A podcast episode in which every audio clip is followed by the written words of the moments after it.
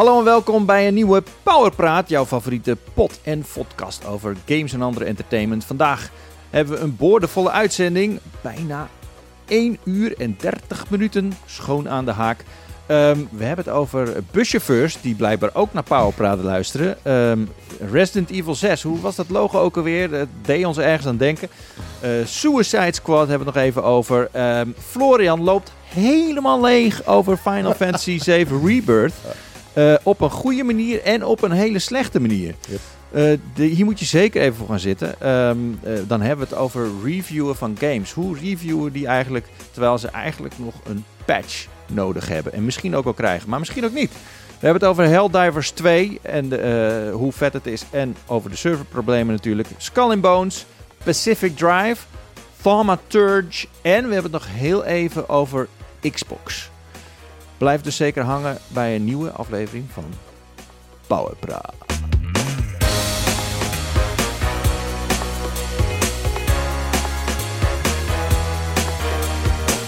Dat ja. Oké, let's go. We gaan beginnen met eh Pauwpraat. Welkom Florian en Wouter.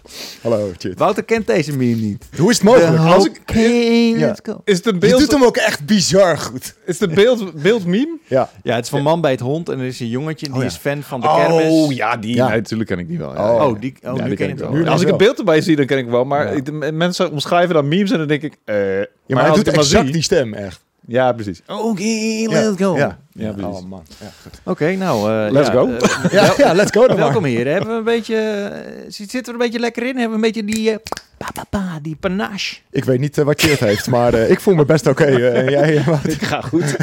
Ik ga prima. Ik Wordt heb er een zin leuke in. Panache en zo weet ik niet. Ik maar- heb er zin in. Ja, ik weet eigenlijk ook niet precies wat het betekent. Maar Panache. Een soort van pizzazz of zo. maar dan- ik weet ook niet wat het betekent. Goed. Eh, ik weet, vroeger toen ik, eh, toen ik eh, nog studeerde, toen kwam er in één keer een, ehm, er werd de Cuba Cuba, dat is een kroeg, kroeg, daar ging ik dan werken. En dat Cuba werd Cuba. dan, Waarom twee keer Cuba? The name's so nice, Was you dat gotta say it twice. dat werd dan veranderd door iemand die dacht van, ja, we gaan er iets, eh, iets hips van maken. En toen werd dat shizzle of zo. Of vissel. Shizzle, shizzle ook. Ja, maar echt, jongen, dat ik denk van, wat? Dat was een beetje niet die periode dat hij zo, voor shizzle, weet je? Hello Precies. fellow kids. Ja, Snoop Dogs. Of razzle, of echt, het sloeg echt helemaal nergens. En op een gegeven moment werd het heel snel ook veranderd in ehm Nieuwscafé. Dus. Wauw. dat is ook... Maar dat vind Welkom ik bij echt- de Powerpraat. Dat vind ik echt zo'n kutnaam. Die had ook een nieuwscafé in, in, in eh, Groningen. Ik dacht van, maar Nieuwscafé, waar- ja. hoezo is dat zeg maar een interessante titel? Zo van, oh, ik ga lekker naar het nieuwscafé. Dan ga ik en bier drinken en naar de NOS-journaal kijken of zo. Wat, ja, was, het was een beetje bedoeld voor studentenjournalistiek. oh, dat natuurlijk. een, eh, ah. Zwolle was... Ik zei al, Zwolle. Ja, ik ben ook wel eens in De nieuwscafé. bakermat van journalisme. Journalistiek. I know. Journalistiek. oh, dat is een grapje. Ja. Moet je af en toe zeggen. Eh, weet je wat? Laten we het meteen maar ingooien. Comment van de week! Hey. Pa, pa, pa. oh nee, ik deed hem te vroeg. Ach, kut. Ja, gemist. Dit zijn de comments. En er waren weer wat comments. Van de week. Dit zijn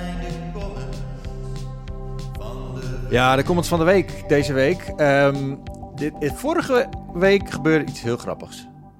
Ik was aan het streamen. En iemand die zei in de chat... hey, ik zit in de bus. En die gozer, de buschauffeur, is pauwpraat aan het luisteren. Wat? De buschauffeur Dus is iemand- Powerpraat aan het luisteren? Iemand die keek naar mij op de livestream en die hoorde mij in de bus praten. Die denkt, what the fuck? En dat was is die diegene ook de stream aan het kijken? Ja, En precies. toen hoorde ik van, nee, wacht even. Ik hoor Wouter ook. dus die was dat een soort van aan het live bloggen. En toen dacht ik, nou, dat is wel heel grappig. Wat Dat, cool. dat het wel... Maar van- hoe hoorde die? Hoe was die dat aan het luisteren? Over, over de speaker? Ja, eh, gewoon over de eh, speakers. En ik denk gewoon in zijn eigen hockey. Daar hebben ze wel vaak Oh, soms ja, dat, precies. ja. Ja, oké. en, Oh, cool. ehm, dus dat vond ik heel grappig. En, en nou, ik voelde me ook wel een soort van vereerd, gevleid. Ja, dat is weet vet. je, dat is Ja, leuk. ja. En toen kwam ik dus in de comments terecht. En dan zegt de eh Zordaran, die zegt, lekkere pauwpraat weer. Grappig verhaal. Ik luisterde gisteren tijdens mijn werk op de bus naar de pauwpraat. Stond ik op Niet IJsselstein waar. mijn tijd af te wachten. komt er een passagier- passagier naar me toe met de vraag of ik de paalpraat aan het luisteren ben. Nee joh, Wat grappig. Duidelijk dat er genoeg luisteraars zijn die luisteren. wat cool. In IJsselstein was dat. Ja, dus... eh, Daar woon ik ja. vlakbij. Ja, bizar. Ja. Dus daar is dus, als je, daar moet je vaker in de bus stappen. Ik liever niet, maar oké. Ik maar, hou niet zo van de ehm, bus. eh, eh, eh, nou, misschien eh, moeten we even, als we iets harder praten, dat dan de bus, eh, de, de passagiers het horen. Hey, buschauffeur. Dan ga je busjes Ja, lopen. precies, ja, die stijl. Nee, eh, maar leuk dat je... is dit voor een liedje? Oh, dat ken je ook niet. Nee. Oh man. Zo, het is echt... Wouter is af een beetje we- wereldvreemd. of Ja, ja, dat komt... Klinkt als een een of andere carnavalskraak. ja, dat is het dan volgens mij. Is dat een wel. Het is toch gewoon iets wat je... Wat je Nee, ja. Dat is gewoon iets wat je zegt. busjes lopen. Je meent het niet, maar je zegt het wel. We gaan je Maar bus lopen. Superleuk. eh, leuk dat je luistert naar de Powerpraat. Zeker. Ach, apps echt een hele leuke... Oh, je bent nog met de introductie bezig? Nee, wat? Wat? Dit zijn de comments van de week, eh, Wouter. Oh, nee, maar ik bedoel dat hij, omdat hij zegt van, nou, leuk dat je luistert naar de Pauwpraat. Hij, in het, in het bijzonder, zeg maar. Oh, je bedoelt de busje? Ja, de buschauffeur. ja. Oh, oké. Ja, nee, nee oké. Ja. Ik dacht, we zijn nog introductie. Het is vroeg. Hele lange introductie. Het is vroeg. Soms heb je zo'n late title screen. Ik dacht van, dat... dit Oh, een- ja. nee, ik... Nou. Heb, heb, heb je toevallig paddo's, Powerpraat. paddo's achter de kiezen of zo? Dit is echt een soort van... Wouter die loopt er altijd achter de feiten aan. Eh Firepipe 2NL die zegt... ehm, het was weer een geslaagde powerpraat. En toen jullie het over Resident Evil 6 hadden... moest ik aan iets denken. Oh, oh ik weet niet of jullie het nog weten... maar in de allereerste aflevering van Jo Post kwam het te sprake... waar het logo van Resident Evil Ja. 6 Oh. op lijkt. Ja. En in de derde aflevering komen jullie er nog op terug. Ik ben benieuwd of jullie het nog weten. Ik kan het namelijk niet meer anders zien. Het was een, eh Het een giraffe Oh, is- oh ja, die gepijpt wordt. Ja. daarom weet ik het niet meer. Ik heb het weggestopt. eh. Holy shit. Maar dat, ik weet nog wel dat er inderdaad iets was met het logo. Ja. Ja, het is heel... eh, het is ja. anatomisch ook niet helemaal correct. Want dan zou de, de lul van de giraf Zou voor uit, vooraan moeten zitten. Tussen zijn voorpoten hangt Ja. Dat klopt niet. Maar zo ziet het er wel uit. En als je het inderdaad één keer gezien hebt, dan cannot uh, unseen. Ja, inderdaad. Eh, Maar- maar dankjewel, Ja, Firepipe. Het, eh, ik moest er ook direct weer aan denken Oh, toen ik die comment lag, Ja. las. Dat was het, niet het enige wat slecht is aan, aan Resident Evil 6, het logo. de rest ook. Nou ja, Ja. behalve dan het besturingssysteem. Maar goed, ik ga hier veel te serieus op in. We Nee, je hebt het vorige keer al eh, best wel uitgebreid over Resident Evil 6 gehad. over gehad. Ja, precies. Ehm, eh, Movie Geek Dutch, die zegt, eh, zo, leuke pauwpraat weer, maar even serieus. Oh, oké. Oké. oeh, Even serieus. Ja. Rustig. Die Suicide Squad game Ja. Oh. is gewoon 10 uur aan main story, waarvan 3 uur gameplay en de rest cutscenes. Oef. Hm. Hoe slecht is dat? Hij begint, begint serieus, maar Ja. eh, Ja, er, er zit wel een twist aan. Er zit een twist aan. Ja. Tip, kijk gewoon de story op YouTube en laat het erbij. Scheelt weer 70 euro, toch? Ja. Support deze vieze WB-poep niet. Mm. Auchie! Oh, Wat een trap in de kloten van Batman-fans. En Kevin Conroy, rest in peace. Ja, dat is zijn laatste optreden. Kevin Conroy is zeg maar de, de, de man die heel lang de stem heeft gedaan van Batman sinds de animated series Oh, in de jaren. 90. Ja, en hij is eh, vorig jaar of twee jaar geleden is hij overleden. En dit was zijn laatste optreden als zijn de Batman. Holy shit. En dat is eigenlijk een beetje zuur, want het is helemaal niet zo'n superleuke game natuurlijk. En het is een beetje een, een inderdaad een Warner Brothers misbaksel. Doodzonde, want Rocksteady fantastisch, maar blijkbaar ja, niet meer. Ja, En- niet, en- niet in dit genre in ieder geval. Nee, nee, precies. Dat, is- ja, dat is een beetje het probleem. Ze hadden gewoon niks in dit genre moeten maken. Maar we talked about it last time. En ik heb inderdaad ook van Dwayne be- begrepen... die natuurlijk de review heeft gedaan van... Je kunt er al even het verhaal doen, maar daarna kom je in een soort van endgame. En dan weet je eigenlijk niet meer waarvoor je die game speelt. Want dan doe je het voor de wapens en voor de armor. En eigenlijk is dat de enige motivatie die je hebt. Maar het verhaal is nog best wel cool. Eh, best wel een leuk verhaal. Maar ja, ik heb ik vind het moeilijk, moeilijk om erheen te, te werken, alleen maar om Ja. het verhaal, weet je. En dan inderdaad wat hij zegt, je beter voor het verhaal in die cutscenes op YouTube kijken en dan heb je het beste gezien van die game eigenlijk. Zo, zo jammer. Ik vind het echt wel pijnlijk. De rip. Eh, ja, hij zegt eh, let's cherish de Arkham trilogie. Mhm. En ook een beetje Mhm. Arkham Origins. Ehm, Beetje, Ja. ja. Ja, het is wel, het is wel. Hoe oud is die Kevin Conroy geworden dan? Nou, hij is wel, Is eh, die snel? Is die vroeg overleden of? eh, Nee, hij viel wel mee. Hij was best al wel oud. Maar eh, nou, tenminste, hij zat vast wel in zijn 70, denk ik. Maar niet, niet, niet, niet super oud, nee. Maar ehm, hij, hij kon nog lang mee om zijn stem te doen, zeg maar. Ja. Dus hij heeft tot op zijn... tot op bijna op het moment van overlijden heeft hij, heeft hij Bruce Wayne en Batman Ja. blijven doen. Nu is 70 best wel Jong eigenlijk. Als ik het zo bedenk. Mijn ouders Ja, zijn ik er weet het niet bijna, zeker. zeg ik ik Ja. dit. Ik zou dit moeten googlen, zeg maar. Ja. Eh, maar hij is niet inderdaad super oud geworden. Nee, nee. Het, ja. En hij was voor heel veel mensen gewoon de Batman. Omdat hij Ja. het vaakst Batman heeft gedaan. Van, van alle acteurs die Batman ooit hebben gedaan, is hij gewoon het vaakst Batman geweest. Over een, meest, over een lang, eh, lange periode. Echt eh 30 jaar of zo. Ehm, in zijn laatste optreden, ja. Was hij ook nog een evil Batman, omdat hij zeg maar in die game Ja, is hij precies. ja, Ja. Nee, dat was ook nog. Dat heeft ook nog een beetje een soort van nare nasmaak voor mij. Zo van, oké, nu speelt hij ook nog een Batman die hij eigenlijk niet is. I don't know. Het, het, het, het is jammer hoe het gegaan is met Suicide Squad. Ik, ehm, ik had heel graag een goede game van Rocksteady gespeeld. Zeker. En nou moeten we weer wachten op, op een volgende. Ik weet niet eens welke volgende Warner Brothers superhelden DC Comics game daar aankomt. Ja, Wonder Woman. Die kan nog wel eens goed worden. Want die is van Monolith, van de makers Het is de eerste van, keer dat eh, ik daarvan hoor. Maar ja, ik moet ook eerlijk zeggen dat ik word er echt niet warm of koud van, van deze Snap ik, snap ik. Maar, Maar dit is van Monolith en dat is de makers van eh, eh, de Middle Earth serie. Eh, Oh. eh, van Shadow of Mordor en zo. ja, Hmm. Shadow of Mordor. Oh, dus, dat waren wel echt leuke games. Dat is cool, ja. ja. ja, en dit, eh, vermoedelijk gaan ze ook weer, of tenminste dat zijn de, de geruchten nu, dat eh, zou ook wel logisch zijn, gaan ze weer gebruik maken van het Nemesis systeem. Dus ehm, dat is een heel cool systeem waarin je Ja. verschillende bad guys worden soort van randomly generated. En die hebben allemaal verschillende krachten en ook persoonlijkheden. En ehm, eh, dat was echt wat, wat zeg maar Middle Earth serie heel cool maakte. Het Nemesis systeem. Het zonder als ze daar ook niks meer mee gaan doen. En dat schijnt ook nog in te haken op een soort van vertakkende verhaallijn. Dus dat is pretty cool. Ja, dat was echt heel vet. Want dan, als je dan dood werd gemaakt door, die, door zo'n eh, ork of zo, dan... eh, ja, ork. Meestal was het een ork. Of een goblin. Nee, hoe heette die ene gast ook alweer die dan uit de, letterlijk uit de klei... Getra- Uruk-hai, ja. Ja. die zaten er dan niet in? Ehm, ja, een ork en een Uruk-hai is een soort van hetzelfde. Een or- ork is een soort Uruk-hai volgens mij. Een soort van Uber Uruk-hai, of eh, ork. I don't know, ik weet niet precies. Lucas weet het beter volgens mij. Oh, echt waar? Lu- Lucas is een Lord of the Rings. eh. Nee, volgens mij Cody is heel erg Lord of the Rings. Oh. Nou ja. nee, allebei misschien. Whatever. I don't know. Ehm, ja, dat waren de comments Hey. deze week. Hey. Ehm, Hey. Ja, er waren wel meer comments. Maar er kon niet zoveel mee. waren alleen maar, heerlijk- waren alleen maar complimenten. Meestal is Oh, dit eh. een sectie van drie kwartier of zo. Maar Ja. misschien kunnen we eens een Hoe, keer... en hoezo eh, kan jij niks met complimenten ineens? Ging het niet over jou? Hij komt uit Friesland, daarom kan hij niks meer oh, nu zijn we weer die 538-dj's. Nou ja, Oh ja, ja, sorry. Oh ja, oh ja. Niet lachen. Niet lachen. Nee. Niet lachen. Ehm, nou, ik dacht, laten we eens gewoon... eh, want ik weet dat Florian... Jij hebt een game helemaal uitgespeeld al... waar je al jaren naar uit... Oh, je hebt nog niet uitgespeeld?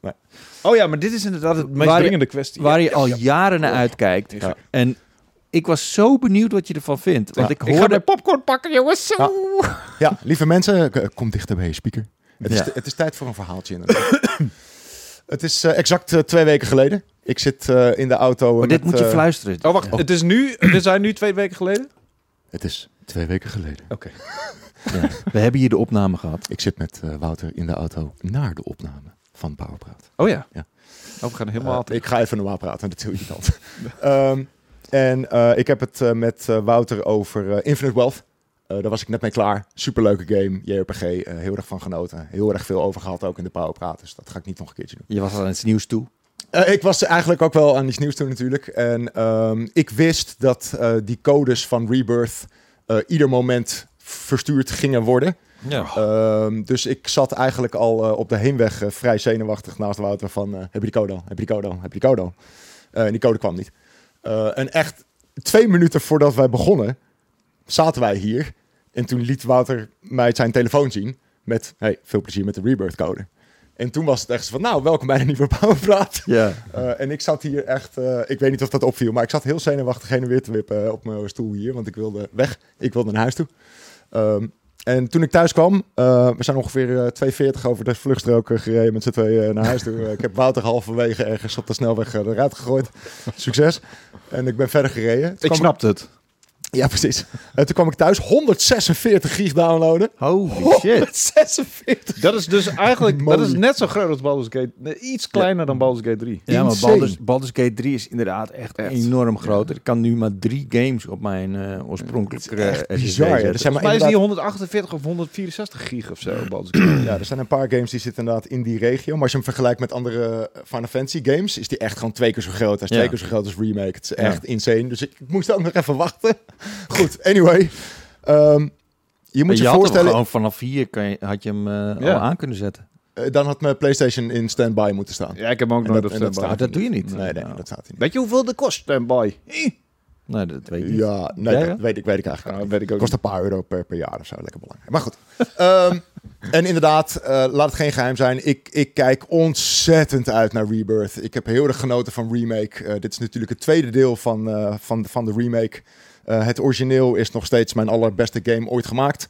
Eh daar zal ik nooit een andere game Ja, komen. heb jij eraan ik. gewerkt? Zeker. Ehm, Ik heb geen betere game meer gemaakt. Nee, dat klopt inderdaad. Daarna eh, allemaal kutgames uitgebracht. Ehm, maar goed, dus ik, eh, ik, om, het, om het heel simpel te zeggen, ik was hyped. Ja. Ehm, en ik start die game op. En binnen een uur ging mijn hypeness van super hyped naar mega teleurgesteld. Oh, jee, in Oh, een uur al. In een uur. Er kan maar aan één ding liggen natuurlijk. En het kan uiteraard maar aan één ding liggen. Ja, Ehm, je moest ik- heel nodig poepen, denk ik. Dat heeft niks met de game te maken. Oh. Ehm, ja, ik, ik duik de settings in. Waarom zou je hype daarvan naar beneden gaan? Ik weet niet. Yes! Ik weet. Nou goed. Ehm, dus ja, inderdaad, ik duik eh, options in. En ehm 30 fps, ik kan het niet meer. Het is heel simpel. Ik kan het gewoon niet meer. En ik had, het, ik had er altijd al moeite mee, omdat ik ook behoorlijk wat games op PC speel. En ik speel behoorlijk wat VR-games. Ehm, en dus mijn ogen en mijn brein zijn heel erg gewend geraakt aan een hogere framerate. Ja, natuurlijk. VR En en als heeft ik- daar ook alles mee te maken. je ja, zo snel 90 ligt. frames, misschien zelfs 120. Ja, want dat Het moet wel. super vloeiend zijn. Als je 30 f- frames per seconde in VR... 60 is al er is crazy wel, al. er is wel verschil met, met zo'n bril op je kop. Oh, zeker. Gewoon een, Ja, oh, Ja, zeker. natuurlijk. Maar zeker. hij, hij is er wel gewend aan geraakt op die manier Ja. natuurlijk. Ja, ik ben daar heel erg, heel erg gewend aan geraakt. En wat ik zeg, bij de vorige generatie had ik het al af en toe. Dat ik terug moet zeg maar naar 30 fps. Omdat die game gewoon draait in 30 fps. Ja. Je hebt geen keuze. Ik moet eerlijk zeggen, je bent nu wel een beetje aan het janken. Dat is prima. Eh, ik ga ook gewoon lekker door. Ehm, ik kan gewoon niet echt meer terug. Het is te schokkerig. Eh, ik, heb daar, ik heb daar moeite mee. Anyway, dus ik start die game op. En het eerste wat ik doe is ik ga in de options en ik zet hem op framerate mode. En ik begin de game. En eh, long story short, die game is zo fucking wazig in framerate mode. Wazig. Het is eh, alsof er... Oh, eh, omdat hij hem dan eh, schaalt, de, de resolutie. er zit zo'n dikke laag vaseline over je scherm. het, is, het is echt insane. Ik heb het nog nooit zo erg gezien. Ehm, Maar inmiddels weten we een beetje hoe het komt door de Digital Foundry gasten van deze wereld. Maar het, het lijkt, het oogt lager dan 27p. Het, het oogt een beetje als 600p-ish. Upscaled naar Full HD. Ja. En Maar die, game is, die game is 148 gig. Dat kan toch niet? Het, het is echt serieus. Het ziet er niet uit. Maar oké, maar en jij hebt natuurlijk ook een, een beeldscherm van 2 meter bij je 3. nee. Dat, ja, dat Eh, want ik speelde hem voor het eerst op een 55 inch OLED boven op zolder. Dus dat is helemaal niet buitensporig groot. Nee. Ehm, ik kan het het beste uit eh, omschrijven als eh, high definition heeft een bepaalde glans, een bepaalde shine. Eh, en dat heeft het helemaal niet in framerate. Het is heel dof eh, en heel korrelig, heel wazig, Maar slechter dan remake. veel slechter. Ja, maar deze game is ook veel groter opgezet, hè, Ja. remake. En nou komt het inderdaad. Ehm, het lijkt ook nog eens alsof het een dynamische resolutie is. Ja, ik wil net Ehm, zeggen, ja. En dus Nou ja, eh, in de demo bijvoorbeeld, eh, die heeft hetzelfde probleem. De demo is nog vrij kleinschalig. Ja. Eh, en daar zie ik het ook in. Ehm, maar eigenlijk pas op de momenten. Dit is een hele grote game met hele grote gebieden. Ja. Eh, als je echt door zo'n groot gebied heen loopt, de resolutie gaat zo laag. Het is onspeelbaar. Het is gewoon, je kan het niet zien. Het is zo blurry. Hoe lang hebben ze aan En, deze game en gewerkt? dus, En dus dat, dat was geen optie. Na, na een uur spelen dacht ik, dit, dit kan niet. Ik kan hem niet zo spelen gewoon. Klaar. Ja. Ehm, en dus ik switch terug naar de graphics mode. Ja. En eh, ik, sta Meteen op een, psycholoog gebeld. ik sta op een, op een prachtig punt. Op een, op een heuvel. Waarin ik een, een prachtig uitzicht heb over de wereld. Eh, en in framerate mode is het één korrelige blurry bende. Ik zet hem op graphics mode. Ik kijk nog steeds naar dat uitzicht. En ik denk, dit is beter. Maar het is Maar nog toen- steeds niet zoals het hoort. Toen ging je bewegen. Het, inderdaad. Het, het, de, de graphics mode op de bank. lijkt 1200p-ish. Die upscaled wordt naar 4K. Ook die heeft van die ar- artifacts. En het, het ziet er niet uit. Uh, maar het is wel scherper dan de framerate mode.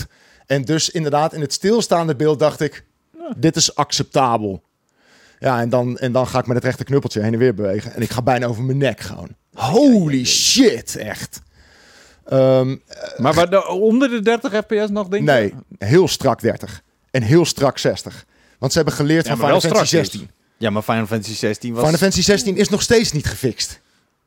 Maar, Idioten. maar wel is strak. maanden later. maar wel stabiel, zeg maar. Dus Het is, ik, het is stabiel. ik, ik word meestal misselijk als het instabiel is. De Dan word je extra misselijk inderdaad. Maar 30 fps, het is, het is te, te laag. En Maar- zeker, en zeker in een game zoals dit. Als ik gewoon rechtdoor loop, dan gaat het nog. Maar dit is Final Fantasy. En het is ook nog Rebirth. Het is die hele grote open wereld. Ik wil om me heen kijken. Ik wil alles zien. En elke keer als ik dat knuppeltje doe, denk ik... Jezus, niet te doen. Anyway, Maar wacht even. framerate is dus niet te doen. Je moet eigenlijk een soort van oogkleppen, alsof, alsof je een paard bent. Gewoon van die oogkleppen en vooruit lopen en niet om je heen kijken. Want anders... Precies, in een, in een game die daarom draait, right? Maar, maar Even, de hele worldbuilding. even en- voor de duidelijkheid. Final Ja. Fantasy 16, zit- dit is echt een soort van déjà vu gewoon. Jij Ja. je hebt precies hetzelfde probleem. Dit is veel groter dan Final Fantasy 16, dit probleem. Het probleem is groter. Ja. Het is nog maar kutter. Final Fantasy 16 zat je hier ook al over te klagen. Ja. Vervolgens gaf je het gewoon doodleuk een gold award. Ja, in de hoop dat het eh, gefixt zou worden zoals het beloofd werd. Ja. En dat, en, dat, en dat doen ze dus nu ook. Want Dan komt de patch. we nemen dit op dinsdag op. Morgen komt er een patch uit. Waarop ze de framerate mode gaan aanpassen. Aanpakken. Want iedereen die die demo heeft gespeeld, die schreeuwt moord en brand. Van hoe de fuck, ben je blind of zo, Square?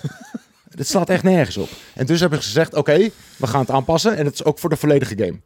Dus morgen komt de patch uit. Overmorgen moet de review online. Dan is het embargo. Dus ik moet morgen als een malle die, die patch gaan testen. En daar laat ik mijn cijfer van afhangen. Want als het niet beter wordt, krijgt deze game geen Gold Award. En dat is heel zonde, want, nou komt het. Als ik na drie uur spelen wen aan die 30 fps, Ja. na drie uur begon ik eraan te wennen. Uh, Ja. Toen speelde ik stukjes waarop ik dacht: hey, ik heb een tijdje niet gemerkt dat ik scheidsziek word van die 30 fps. Na drie uur. Uh, dus na drie uur kon ik het een klein beetje naast me neerleggen. En dan speel ik een van de vetste games die ik ooit heb gespeeld. En dus dat contrast met het technische gedeelte en de gameplay is zo groot. Uh, maar ook de storytelling, de characters, de omgevingen, het design, de muziek. Het is echt serieus verbluffend goed. Het is echt op veel punten de allerbeste game die ik ooit heb gespeeld. Maar het is technisch zo kut. Het is, en dat zei ik tegen Wouter, het is alsof je je meest geanticipeerde film ever uitkomt. En elke trailer die je hebt gezien is Blu-ray kwaliteit. Die film komt uit en je moet hem op VHS checken. VHS, hè? We hebben het niet over DVD, over VHS. Ja. en als die game nou multiplatform is en ik kies ervoor om die game op de Switch te gaan spelen, zwa. Weet je, dan, dan kies ik daarvoor. Maar deze game komt exclusief voor de PlayStation 5 uit. En het, het is ondermaats. Technisch is het echt ondermaats. Ik snap niet, zeker niet na Final Fantasy 16, dat er niemand de ballen heeft bij Square Enix om te zeggen: dit kan niet. I don't get it. En vervolgens moet dus iedereen moord en brand schreeuwen. En dan zeggen ze, ja, we gaan een patch uitbrengen. Ja, maar denk je dat dit de patch is, überhaupt? Ik ben er heel bang voor, want Final Fantasy 16 is ook nog steeds niet gefixt. En ik, en ik ga nu ook iedereen zeggen, iedereen die deze game koopt op disc, start voor de grap is versie 1.0 op. Dus niet die Ja, day one patch. Gewoon, ja. En ja. check is hoe ik die game heb moeten reviewen. Ja. Want dat is ook nog een ding. De meeste mensen zien niet de versie die wij Nee. reviewen. En, en ik kom op het punt dat ik ga worstelen inderdaad met mijn cijfer. Ja. Want als ik heel erg naar de game kijk, is het echt fantastisch. Dit is nog veel vetter dan wat ik ooit had durven dromen. En ik wil net zeggen, want in principe heb je natuurlijk de, de, de vechtsequences. Dat, dat zit vaak op een hogere framerate, toch? Nee, dat, dat, dat deed Final Fantasy 16. Dus daar hebben ze ervoor gekozen om eigenlijk traversal, dus gewoon rondlopen door die wereld. Daar draait hij ongeveer op 45 frames per seconde.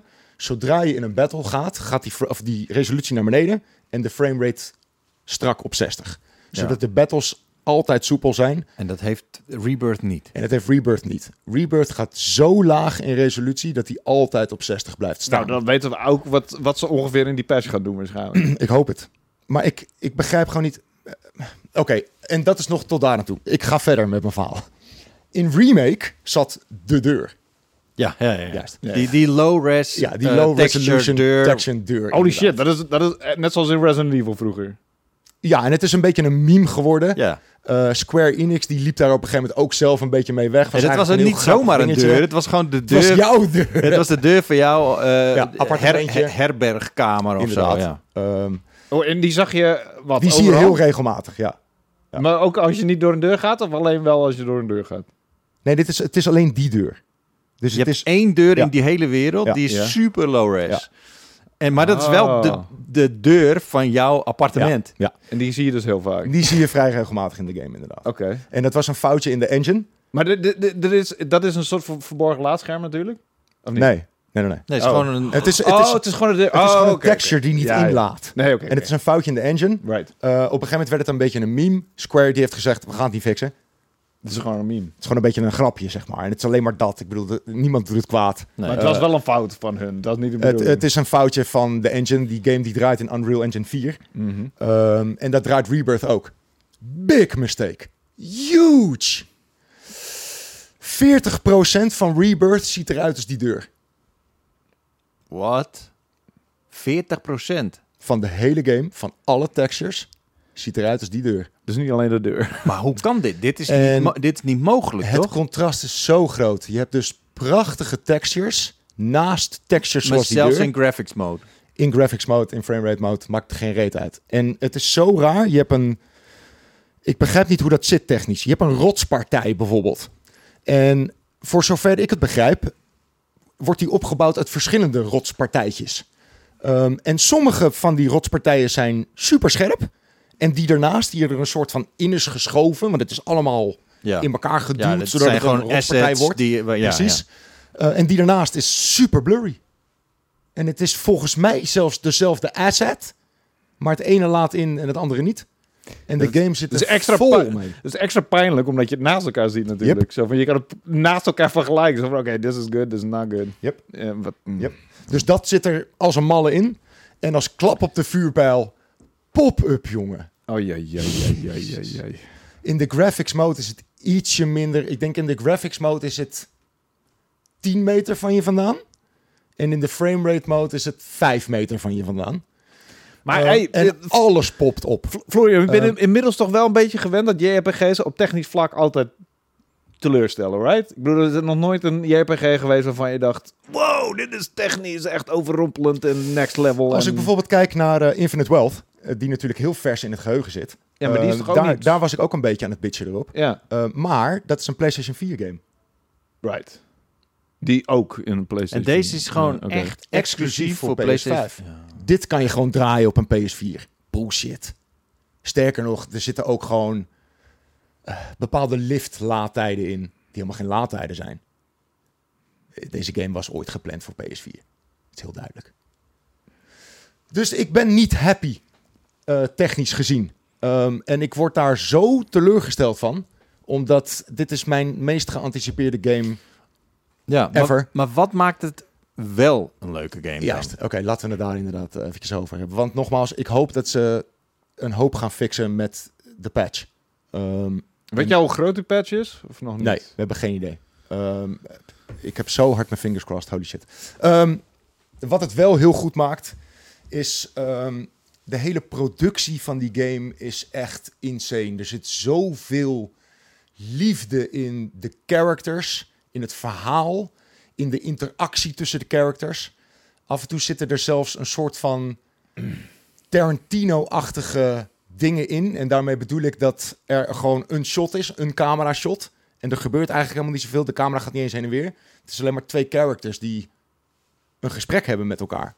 En het is zo steengoed dat je soms een minuut naar hetzelfde camera shot zit te kijken. Maar het, het, het gesprek is zo goed. Ehm, de muziek is insane. Ze hebben 400 variaties gemaakt op de bekende Final Fantasy 7 muziek.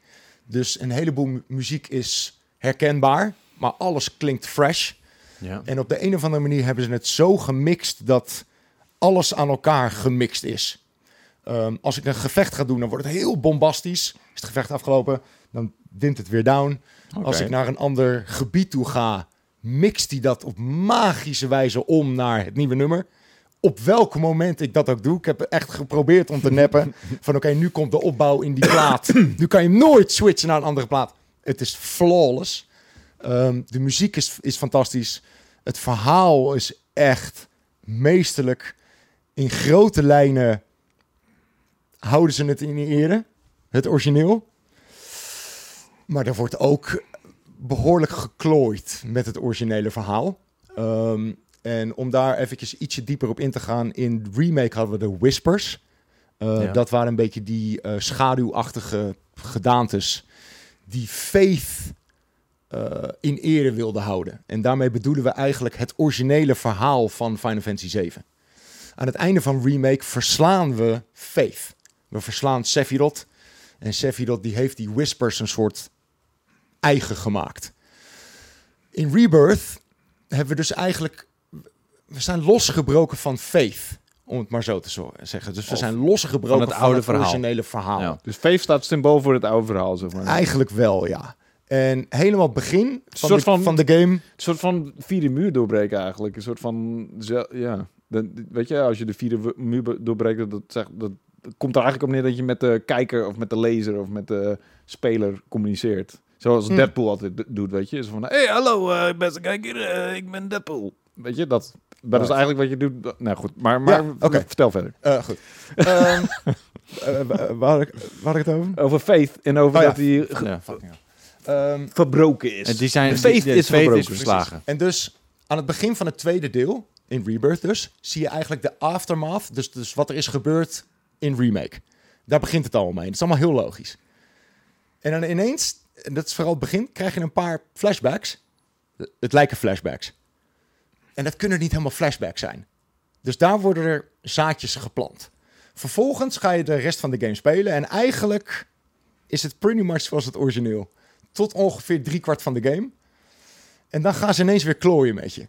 En dat doen ze zo fucking knap, jongen. Ehm, dat ik zit nu... eh, overmorgen moet ik dus de review inleveren. Ik, ik zit... eh, ik moet nog een paar uur. Ik zit echt voor het einde. Ik ben nog een paar extra dingen aan het doen, want ik wil nog niet helemaal. Ehm, en ik, ik denk te weten wat er gaat gebeuren. En als dat gebeurt, is mindblowing. Hm. De fans gaan echt op hun kop staan. Ik- wat? ik heb een beetje... madness. Maar als jij al denkt wat er, dat er gaat gebeuren, dan is het niet zo mindblowing. Dan Jawel, is het, want dan dat is is- het want- meer Want dit is net, net, net voorspelbaar, van- toch? Nee, want dit is net een soort van ontstaan. Ik heb een idee dat ze een beetje... eh, nou, niet bedoel je? Het is net een soort van In ontstaan. het verhaal, zeg maar, waar ik ben, op drie kwart, ja. komt er ineens Oh, een, soort van... daar ding- begint zeg maar de, de, Ja, de twist. En daardoor denk ik te weten nu wat er gaat gebeuren, ja. Maar het is, het is vooral... eh, als ik het hele technische gedeelte weghaal, dan is het de meest verzorgde, geliefde, gemaakte game die ik misschien wel ooit heb gespeeld. Hm. Er zit zoveel liefde in. Lijkt me Ehm, kut als jij zo je hard je best hebt gedaan op, op dat aspect en dan vervolgens de techniek. Ik, beg- ik begrijp het niet. Gooi die foliage ietsje naar beneden. Gooi details iets meer naar beneden. Ja, het moet niet zo moeilijk zijn. Nee. Right? Waarom push je het zo hard dat die resolutie zo laag moet? Ik snap dat echt niet. Het verpest Het de is, toch, het is toch letterlijk een kwestie van sliders, I guess? Nee, dat zal wel niet zo simpel zijn. Nee, dat is vast niet zo simpel. Vast niet zo simpel. Ik, Oh, ik, ik, God. de- Ja, Ja, gewoon die oh, slider. vergeten een paar sliders naar beneden te, Ja. te sliden. ik denk wel dat we kunnen zeggen dat Unreal Engine 4 was eh, prima voor de vorige generatie consoles. Inmiddels hebben we Unreal Engine 5 en deze game had op Unreal, Unreal Engine 5 moeten draaien. Unreal Engine 4 kan hier niet meer aan trekken. Ja, maar ze zijn er al wat acht Eh, jaar mee bezig of zo? Ja, en ik ben ook bang dat het derde deel, waar ze dus nu aan zijn begonnen, draait ook weer op Unreal Engine 4. Die fucking idioten. Ja, ik word er echt boos van, man. Ah, Teleurgesteld. Fuck. Maar wat een vette game. Ik kan niet wachten tot de PC-versie. Hoe kut is dat om te zeggen? Nou ja. Het sucks toch? De Hoezo breng wel, je maar- je game uit in, in deze staat? Ik snap het echt niet. Nee, we zijn, eh, ja, eh, nogmaals, eh, we nemen dit op voordat die patch is Ja. geweest. Je, Mhm. je ziet dit op het moment dat de patch er al wel is en dat Ja. Florian zijn review online staat. Ja. Dus het kan zomaar zijn dat al dit gezeik voor niks Ik denk was. dat het. Ik denk dat het nou, voor. Ik, ik- maar inderdaad, ik denk dat je het heel makkelijk kan, kan zien. Eh, Morgen is de dag. in Als, jij een Gold Award ziet, dan is het gefixt. Ja. Ik denk dat ik het zo moet zeggen. En Misschien is het wel zo simpel, Maar, toch? maar het. Weet je, en d- daar komt wel een beetje een soort van interne discussie in mij. Ehm, maakt het de game kut? Is een vraag aan jullie. Nee. Eh, nou, maakt het de game kut? ehm, kijk, ik begrijp jouw probleem met 30 fps. Aan de andere kant vind ik wel dat op het moment dat het gewoon stabiel is. Maar, ook- maar ook dan die- maar ook moet die- je, dan maar moet je die motor maar gewoon even, die moet je gewoon maar even nemen als een man of als een persoon. Ja, snap ik. Luister, ik... maar, maar, dat is, maar dat is... Kijk, als die motor perfect was geweest... Ja. Ja, sure, inderdaad. Dan, dan had je iets daarvoor te zeggen. Maar die motor is ook niet perfect. Ik heb natuurlijk precies hetzelfde gehad al wat negen jaar geleden met The Witcher 3. Die heb ik ook gewoon bewust laag Mhm. Juist. gegeven, omdat ik het technische aspect gewoon Juist. meteen en krommend vond. Juist. En dat heeft gewoon invloed gehad op mijn cijfer. En Mhm. dat was ook in de context van eh, games die toen eh, altijd pas goed waren na een day one patch. En die altijd crappy uitgebracht waren. En het feit dat CD Projekt Red wel een, een, een track record had van matige, technische matige games. En wij moeten die game en- reviewen voordat die day one patch er af en toe is. Dus moeten wij dan altijd door die technische shit heen kijken? Ja, dat kan dus niet. Nou ja, maar kijk, het feit dat jij het niet kan, Nou, dat zegt al genoeg, toch? zegt al genoeg. Jij Ja. bent zo'n, eh, je bent de grootste fan van Final Fantasy Ja. die ik ken. Mhm. Dus als jij dat niet kan, ja, dan, is, dan zegt het toch al genoeg. Ja. Maar ja, dat is Maar, nog ik besef, steeds... maar ik besef me ook dat ik heel erg een tech-nerd ben. Ja, je hebt jezelf ik- wel een beetje soort van in een, in een hoekje ge- Zeker. ge- geduwd, Ja, zeg maar. Ja. ja. Ja. En, en once I see it, I can't unsee it. Ik, ik heb daar last van. En niet Ja. iedereen heeft daar last van natuurlijk. Als, als we Nee, vergelijken dus met... daarom de vraag, nogmaals, Ja. maakt het de game kut? Als we vergelijken met Horizon destijds, da- Juist, daar had dat jij is heel een veel heel goed op. voorbeeld. En ik kon dat toen best wel door de vingers zien, al die technische aspecten. Want Ja, ik ik heb... eh, De framerate mode was helemaal kut toen ook. Ja, Ja, dat, maar dat dat, was- die had te maken met... prachtig gefixt. Ja, maar jij vond het veel kutter dan dat ik het vond toen. Sure, en dat zeg ik. Dat besef ik me ook. Ik ben een- meer een tech-nerd dan misschien de gemiddelde gamer. Jij vond het onspeelbaar. Ik vond het... Ja, ja prima speelbaar. Ja, ik vond het ook niet onspeelbaar toen. Nee. Maar ik ben wel met je eens dat, af, dat, dat 30 fps is af en toe wel even slikken. En dat ik 30 denk van... Dat was mm, Horizon ook niet, toch? Of was dat ook 30 fps? In het, Die 30 eh, fps mode was eh, prachtig in Horizon. Ja, dat was ook 30, ja. Het was alleen de framerate mode die kut was in Horizon. Ja, maar eh, volgens Ja, mij was het inderdaad Horizon dat ik hem niet in die 30 fps mode kon spelen, omdat het, ik werd er gewoon Ja. misselijk van. Ja, ik ook.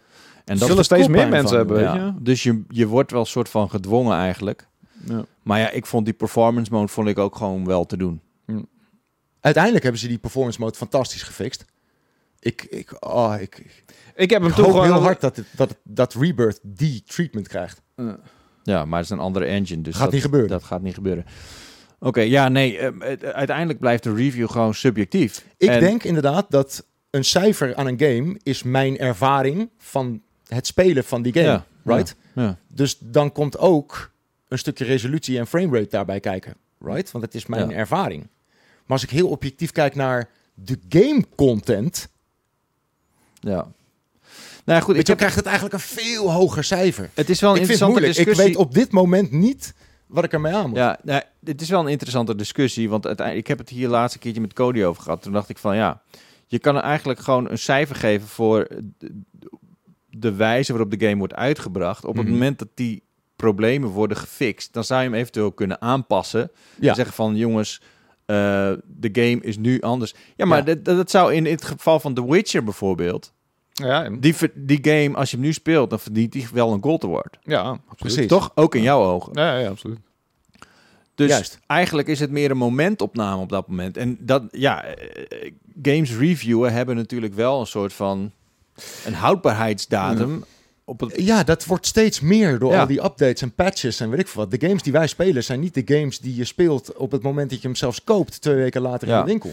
Nee, Maar daarom dan- zijn uitgevers ook wel, weet je, die zijn zich natuurlijk van bewust dat wij een, een momentopname reviewen. En daarom zijn ze ook wat meer gek geworden op influencers, die eigenlijk langere tijd die game spelen. En die dan een mening ook aanpassen aan wat er verandert. En die niet zeg maar één keer kijken en Ja. daarna die game loslaten. Maar wij doen dat wel eigenlijk. Eh, Ja. Soms verzinnen, we- ik heb natuurlijk een aantal rubrieken bijvoorbeeld in de PUR waarin we manieren verzinnen om games opnieuw te bekijken. Precies. De, de, eh, de, de- hoe heet dat? Revenge, Revenge, bijvoorbeeld. Dat we, maar dat is meestal pas jaren later. Eh, en ik had een, een, een eh, rubriek genaamd Levende Games, waarin ik eh, zeg maar keek naar wa- hoe uitgebreid sommige games waren. ja, oh, maar dat is meer games as a service-achtig. eh, Precies. Ja, dus, precies. En, en gewoon games. eh, Nou, dat is niet alleen trouwens. Want soms merk ik ook dat echt heel veel werk wordt gestopt in ook nog singleplayer games. Dat echt zoveel updates Ja, ja, ervoor uitkomen dat je denkt van, nou, die verdient wel een. eh, eh, weet je, die verdient gewoon dat, het, dat ik hem nog, Hmm. nog een keer opnieuw bekijk en kijk wat er allemaal updates voor, voor zijn Zullen we gewoon vanaf nu games reviewen drie maanden na release? Is Ja. dat een idee misschien? Maar dat Ja, zijn we een beetje te laat. Ja, maar kijk, we kunnen natuurlijk wel zeggen van... oké, bepaalde games, die, die geef je natuurlijk een momentopname, geef je een cijfer. En eh, soms is dat gewoon eh, ja, een negatief eh, punt... omdat je de, gewoon op bepaalde punten onspeelbaar is. Maar je kan natuurlijk niet iedere game die uitkomt... kan je een soort van treatment geven als... oké, we gaan hem over Nee, een maand weer spelen... Precies. en dan kijken wat hij, wat hij dan krijgt. En maar het komt ook gewoon, we willen hem op embargo de review online hebben, want dan krijgen we de meeste hits online. En Natuurlijk. dat is logisch. Ja. En dat moeten we. en- Ja, maar dat is ook... Nou, maar dat is, dat is natuurlijk niet de enige reden. Er zijn ook... Mensen willen gewoon weten... Ja, natuurlijk. Natuurlijk. Daar, dat, dat is wat Ja. die hits zijn, toch? Dat zijn mensen die erop Ja. klikken. Dus die willen het weten. Dus ja, Ja. daar, daar gaat het om. Inderdaad, want ik had ook een beetje een discussie met, met Cody hierover. Want Cody die zei van ja, maar ik wil hem wel op embargo online hebben, die reviewen. Ja, dat Ik is zeg ja, natuurlijk. Ja. Uh, maar ik kan hem niet een dag eerder inleveren, want ik, ik moet gewoon die patch checken. Um, en het- Ja, dat, dat levert problemen op af en toe.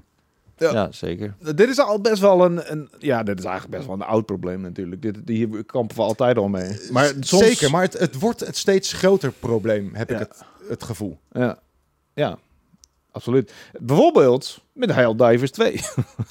Ja, ik, we hebben hier gisteren op de redactie hebben we hier een, een discussie over gehad. Want Helldivers 2 begon met release met problemen. Ja. En dat heeft eigenlijk gewoon te maken met het feit dat die game zo populair is dat er niet op Ja. geanticipeerd Ja. kon worden en, en dat het lastig was. Toen vervolgens kwam de review en daarin stond: het is nu gefixt. Ja. Afgelopen weekend was dat niet meer Was gefixt. het niet gefixt? ik hoor allemaal mensen op de redactie komen en zeggen van ja, ik stond 20 minuten in de wacht. Ik stond Ja. 30 minuten in de wacht. En ik zei, ja, ik vind het eigenlijk niet kunnen. Mhm. Dan mag je best wat over zeggen. Ja, maar die game is zo goed. Ja, oké, maar waarom zeg je dan dat bij Helldivers is het oké, maar op het moment dat Skull and Bones zo'n probleem heeft, Dan dan, mag je hem af. mo- mag Ja. je hem helemaal afmaken. Ja. Ja, maar Skull and Bones was ook sowieso een fucking boring ass game, heb ik begrepen. Oké, Ja, dat, dat is, dat dat is een ander verhaal. maar dat even terzijde, dat komt gewoon omdat mensen Skull and Bones niet zo lief hebben. Ja. Nee. Omdat het game gewoon minder leuk is. Maar dat wil niet zeggen, dat, hoe, hoe eh, kan je dan de maar ook, dat, ook dit is een momentopname. En tijdens de multi- spelen van een multi-review van een multiplayer game... heb je er natuurlijk nog veel meer mee te maken... dan met gewoon eh, Zeker, singleplayer games... die alleen een, eh, een update nodig hebben. En dit was inderdaad... Ja, Dwayne en ik hebben die gereviewd. We hebben eh, een week lang... of tenminste door de week... van dat weekend was het ook kut... hebben gewoon prima kunnen spelen. Hebben we ah, niet in de wachtrij gestaan. Nee, ik heb ook niet in een wachtrij gestaan. Nee, Maar en ja. gisteren heb ik, wilde ik samen met mijn vriendin Helldivers 2 spelen. En toen eh, was het van, ja, sorry, de server is overbelast. Staat er ook Ja. letterlijk in, in beeld. En ja, ze hebben gewoon- geprobeerd. eh, Nou, wat ze wel goed doen is... ehm, ze zorgen natuurlijk wel voor dat ze een bepaalde cap hebben. Dus op het moment dat je op de cap zit, dan zorgen ze er niet voor dat de mensen die de game spelen eruit Uit worden gegooid of dat die problemen Nee, krijgen. Maar je zorgt er eigenlijk voor van oké, Je kan er niet in. je kan er gewoon niet in. Nee. En als je erin kan, dan heb je gewoon een goede ervaring. Maar Ja. je moet wel wachten. Ja, nee, dat is een Op betere, zich is dat een goede, dat is goede een betere oplossing. instelling dan andersom inderdaad. Maar alsnog kan je dan gewoon een game waar je nou, in dit geval 40 euro volgens mij voor betaald hebt, kun je gewoon niet spelen. Dat is wel een beetje zuur. Ja, zeker. Eh, niet op het moment dat je wil in ieder geval. En Helldivers 2 is fantastisch trouwens. En ik wilde dat gisteravond gewoon fucking graag spelen. En dat kon niet. Dus ging ik maar weer Baldur's Gate 3 spelen. Ja. Which is best wel kut. Maar ik vind het gekke dat het...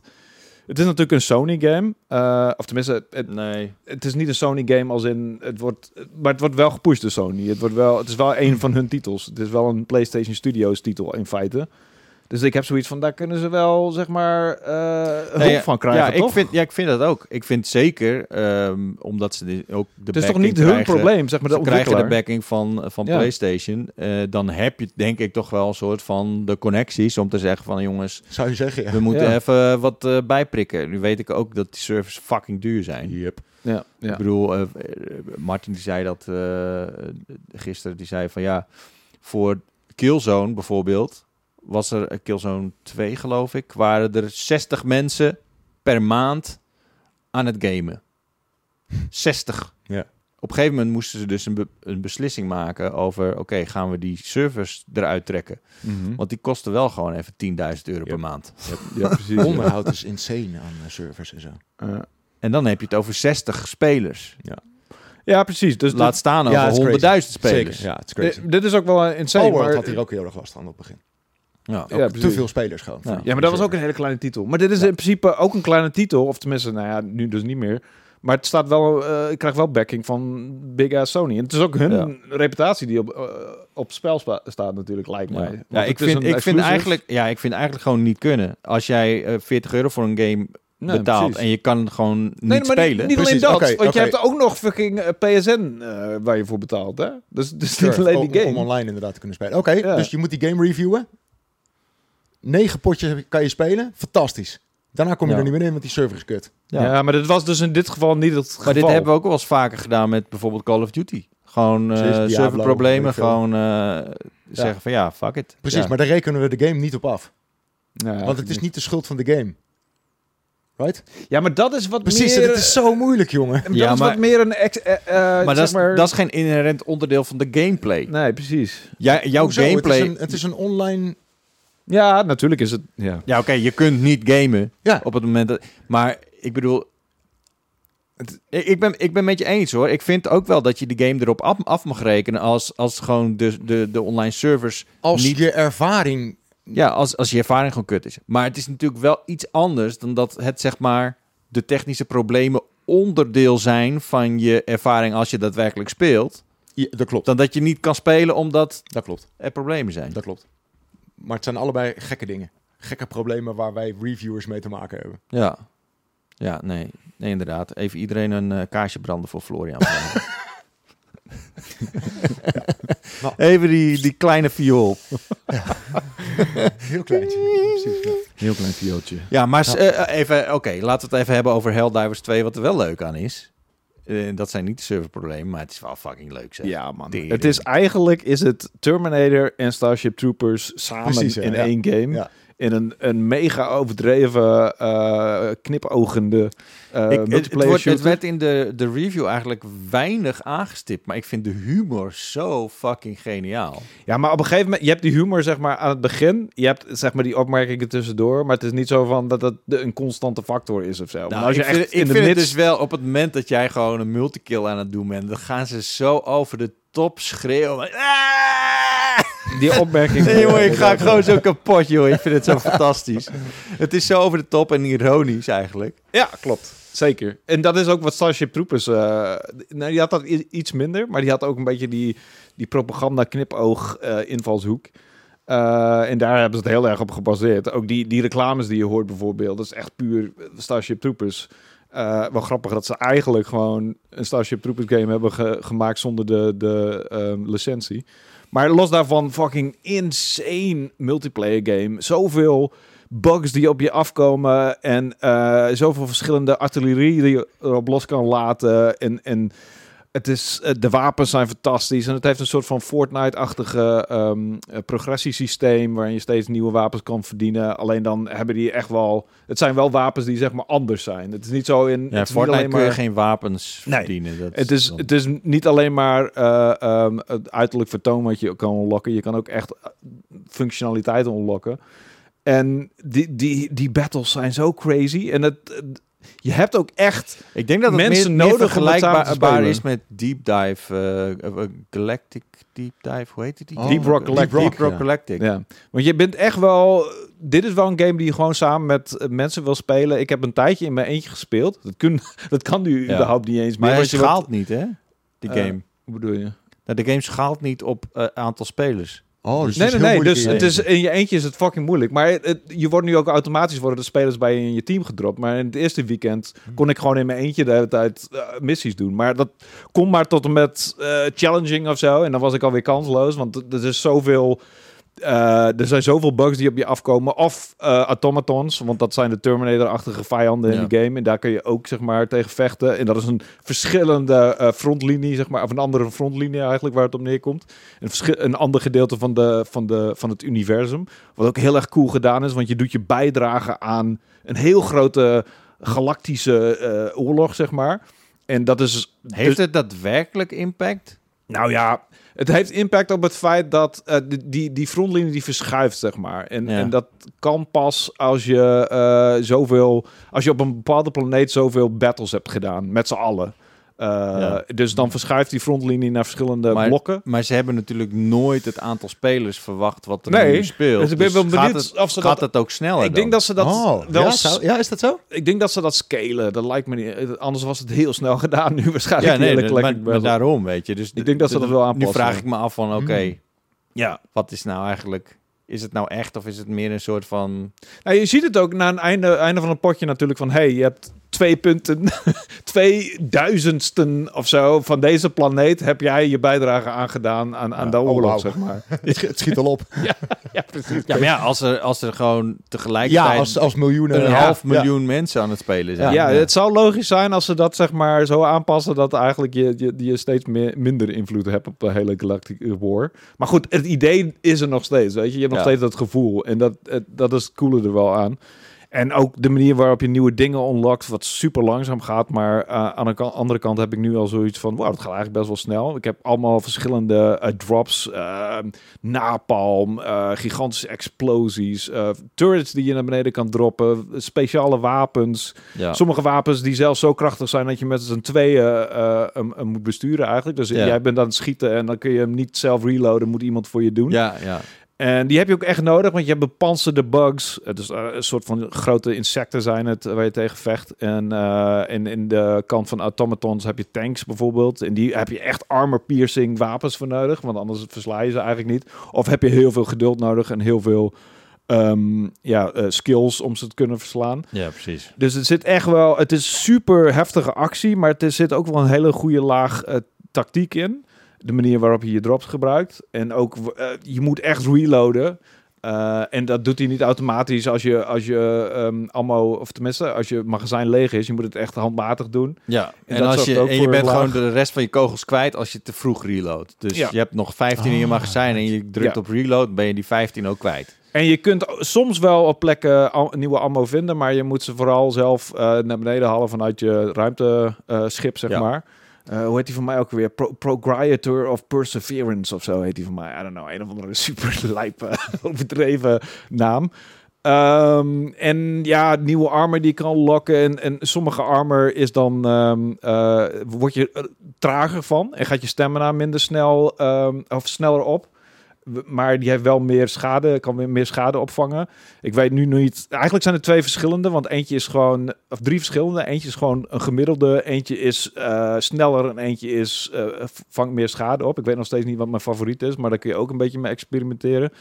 En er zit ook nog gewoon heel veel potentie in. Wat ze allemaal kunnen toevoegen. Ehm, er zijn zelfs bugs die ik nog volgens mij nog helemaal niet gezien heb. Wat een soort van eindbaas bugs, bugs zijn. Die heb ik in een soort van eh, hoe heet het, tutorial filmpje gezien. Die ben ik nog helemaal niet tegengekomen. Ehm, in de eh, je kunt verschillende moeilijkheidsgraden unlocken. En elke keer als je zeg maar een missie klaart op een bepaalde moeilijkheidsgraad, dan unlock je een nieuwe. En ik zit nu op eh, hard. dat is wel een beetje kut, want voor een hard, als je een hard missie wil halen, moet je drie verschillende games doen eigenlijk. Drie verschillende missies. Ja. En je begint altijd heel enthousiast met een groepje van vier. En dan heb je de eerste missie gedaan. En dan als je pech hebt, gaat er een dude weg. Ja. En dan moet je de tweede missie met drie mensen doen. Hmm. En het zou zomaar eens kunnen dat eh, twee van deze dudes eh, hun moeder zegt van... Ja, je moet naar bed. En dan zit je in je eentje in de fucking laatste missie. En dat heb ik nu al een aantal keer gehad. Eh, ja, speel je met veel mensen die naar bed moeten van hun moeder? ik denk het. I don't know. Ik mute oh, ze allemaal. oh, wacht. Oh, ik dacht dat je gewoon alleen met je... Nee, nee, dit was een Ja. random, random team die je samengesteld krijgt. Als je even geen vrienden hebt van... Ja. Ik, ik, ik heb ook niet vaak eh, zin om zeg maar af te spreken met lui om een specifiek... Maar dat moet je dus wel gaan doen als je zeker van wil zijn. Oh, dat je alle je moet die allemaal doen met hetzelfde team. Nou ja, het, je, het, je kan een SOS-beacon laten neerdroppen en dan is er een kans dat er nieuwe mensen bij je team komt. Maar dat is alleen maar een kans en dat gebeurt niet altijd. En als je die laatste missie gewoon niet haalt, omdat je in je eentje bent, dan moet je al die drie missies weer opnieuw doen. Dus dat heb ik nu al een aantal keer gedaan. Dus die, die hard eh, moeilijkheidsgraad eh, en, en daarna krijg je de extreme. Daar zit ik nu een beetje op vast. En ik moet gewoon nu een vast team hebben van mensen van... hey, we gaan deze fucking drie missies doen en ain't nobody ga- gaat weg... voordat we die fucking drie missies hebben Ja. gedaan, weet je? Eh, maar dat is ook wel weer cool. En dat zorgt er ook voor dat je eigenlijk eh, samen wil spelen... en ook gewoon een vast team wil hebben. Ja. Een beetje En je kunt je ook een beetje toezetten op een bepaalde type. eh, bijvoorbeeld iemand gaat voor de supplies, weet je. Dan kan je Mhm. ook een rugzakje hebben, weet je. Dat, mensen, dat je mensen kogels kan geven en dat soort dingen. En de Ja. andere kan weer focussen op, eh, weet ik veel, eh, armor piecing shit inderdaad. Ja. Ja, ik Hey, vind het ook heel goed gedaan, hoor. En qua communicatie moet je gewoon goed opletten, want je kunt zo'n eh, zo'n drop doen of zo'n gigantische napalm drop of wat dan ook. Een ballistic drop, ik weet niet, hoe heet het? Deployment. ja. Eh, en dan komt er zo'n rode straal naar beneden, maar dan moet je wel zorgen dat je aan de kant, eh, of tenminste Ja. niet, niet daar die rode straal staat, of in de wijde omgeving. En sommige die, die, die hebben ook echt een super grote gebied waarin ze eh, explosies neerknallen. Dus dan moet je echt ver aan de kant gaan. Moet je wel weten welke deployment er neergeknald wordt, zeg maar. Dus daarin zit ook veel communicatie. Want ik ben al heel vaak doodgegaan door een of andere gast die denkt van... "Ja, ik drop hier mijn deployment neer. I don't care wie er in de weg staat. En dan splat. Ehm, en op een gegeven moment eh, zijn je, zeg maar, de extra ehm, ehm, drops die je kan krijgen qua levens, zeg maar, van je, van je troepen, die zijn ook op. Dus daar moet je ook rekening mee houden, want in de moeilijk, hogere moeilijkheidsgraden duurt het dan even, als zeg maar je laatste deployment eh, gedaan is, dan duurt het even voordat je weer een nieuwe krijgt en voordat je weer iemand naar beneden kan eh, eh, Ja. halen. Dus het is echt, het is hectisch, het is crazy, het is fantastisch. Ik word er heel erg blij van. En ik word niet zo heel snel blij van een multiplayer game, want het is niet echt mijn ding, Nee. zeg maar. Maar dit wel. Het is wel echt een soort van perfect storm, hè, wat ze voor elkaar hebben gekregen. Absoluut. Eh, want het, het, het werkt gewoon zo goed. En op het moment dat je het speelt, snap je me ook gewoon direct. En Mhm. ja, je kan gewoon heel makkelijk meeschalen. En het is gewoon lekker pittig, weet je. En het, de, Ja. de- gewoon de, de gameplay mechanics zijn zo logisch, weet je. Als jij een turret neerzet, die schiet op alles vijandelijks. Ja, dus dan moet je niet Ik in de begin weg zelf van te, te kwijlen. maar als je daartussen staat, dan ben je de Sjaak, weet je. Dus eh, Ja. dat soort dingen. Of dat je per ongeluk je teammaat even schiet, weet je. Ja, Friendly Fire is Friendly een fire, heel ja, erg ding in deze game. Dat is echt. Ik ben misschien wel vaker door Friendly Fire doodgegaan dan door bugs of door automatons. Het is echt. eh, het, ja, je moet heel erg uitkijken. Je moet heel erg samen. Maar het is op zich ook niet erg, want het het is niet alsof je na één keer doodgaan uit de game bent. Je hebt verschillende eh, nieuwe deployments. Iets van 20 per missie. Het ligt eraan wat voor moeilijkheidsgraad. Eh, maar ja, je moet wel communiceren. Je moet goed uitkijken voor rode stralen. En soms ook voor gewoon blauwe stralen. Wat zeg maar ehm, versterking is. Want die kunnen ook gewoon op je hart... Ik ben wel een keer doodgegaan van gewoon eh, zo'n pod van een, van, een, van een nieuwe deur. ja die, precies. Dat is Klang! oké. Shit. En eh, het is echt een superleuke game. Ik ben wel een beetje bang dat op een gegeven moment voor mij, maar dat is heel erg persoonlijk, er niet meer zo veel uit te halen valt als ik zeg maar al die upgrades heb unlocked in al die eh, alle dingen die ik interessant vind qua wapens en qua eh, ehm, zeg maar ehm, eh, mooie geiden. Hoe noem je dat ook weer? De, de, de pretty spulletjes. Skins en zo bedoel je? Ja, dat soort dingen. Nou, het, het, het- zijn meer dan skins, want ze hebben in, wel- Cosmetics. cosmetics inderdaad. Eh, als ik die allemaal, eh, alle interessante dingen al gehad heb, dan op een gegeven moment gaat het alleen nog maar om te winnen natuurlijk. Ik weet niet in hoeverre... het is wel langer speelbaar dan de meeste eh, games voor mij, eh, multiplayer games, omdat gewoon best wel veel upgradables zijn en dergelijke. En je hebt ook een gevoel van progressie in die Galactic War. Ja. En ik heb ook wel het gevoel dat de missies worden ook echt anders. Dus ik ben echt best wel benieuwd naar hoe gek Zijn extreme ze, wordt. zijn ze eigenlijk eh, ehm, ehm, eh, procedurally generated, die dingen? Ja, dat denk ik wel, ja. Ze hebben zeg maar de verschillende... Per planeet zijn de missies procedurally generated. Dus je hebt verschillende... ehm eh, hoe- Want ik heb dus inderdaad een paar missies gespeeld die wel een soort van op elkaar leken, maar waar gewoon ja, op een hele andere manier Ja, zag per, het eruit. per planeet. Je hebt verschillende biomes op de planeten. Dus eh, de ene is een bosplaneet, de andere is een woestijnplaneet. En dan heb je daar bijvoorbeeld eh weers, weereigenschappen. Bijvoorbeeld eh, op een woestijnplaneet kan het fucking heet worden. Ik weet eigenlijk niet wat voor effect het heeft, maar dat staat in beeld. Waarschijnlijk gaat je stemmen dan eerder op of zo. Of misschien gaat je schade heel langzaam naar beneden. Eh, en dan heb je sommige planeten waar het zicht heel slecht is, omdat er een soort van mist is of omdat er een zandstormen zijn. Eh, en, en per planeet zijn die, eh, die gegevens zijn dus eh, vaste waarden, zeg maar. En de rest wordt inderdaad. Je hebt verschillende missietypes, eh vernietig eieren of ehm, eh, ga verschillende bugholes moet je eh, kapot maken, zeg maar. En, en er zijn er ook nog verschillende side missions. Eentje is heel cool, want dan moet je een gigantische ehm, soort van artilleriewapen moet je vullen met ammo. En dan moet je zulke gigantische kogels moet je in, de, Ja. in dat ding stoppen. Ja, ik was dus met zo'n kogel aan het lopen. En loop super langzaam. En, en toen dacht ik, ja, wel, ik kan hem er niet in doen. Want eh, dat, die, mus- die, die, die, dat kanon moest eerst aan worden gezet. Dus Ja. ik denk van, nou ja, nou ja, dan heb ik ook niks aan deze kogel. Ik leg hem even hier neer. Dus ik leg hem neer. Maar ik laat het dus dat ding flikkeren. En ik denk, bam, jongen, iedereen die ontploft. Goeie actie. Ze, ze hebben best wel toffe tactische eh, missies, zeg maar. Of tactische eh, doelen die je moet... eh, Inderdaad, je hebt eh, die drops en dan moet je... eh dat is eigenlijk een soort van minigame. Want dan moet je eh, de, de... Eigenlijk een beetje net zoals Guitar Hero... moet je de, de, de richtingstoetsen toetsen indrukken zoals je op beeld voor ziet komen. Dus naar beneden, naar beneden omhoog, naar links, naar rechts. En dat moet je eigenlijk vrij snel doen, want je hebt niet veel tijd in zo'n hectische battle. En dan heb je ook een, eh, een, een, een soort van Guitar Hero-achtige game in je, in je Starship, in je, in je eh, ruimteschip, waar je eh, kan oefenen daarmee. Nou, ik ben er echt nog niet verder gekomen dan level 2, want je moet zo fucking snel zijn, eh, dat invoeren van die, eh, van die tekens. Dus het tactische gedeelte is ook goed. Het, eh, de actie is fantastisch. Eh, de vijanden zijn... Er zit veel eh, v- verschillende soorten vijanden. Het is echt een Ja. hele, hele coole game. Ja, Ik het vind is echt, heel leuk. ik vind het ook echt heel erg tof.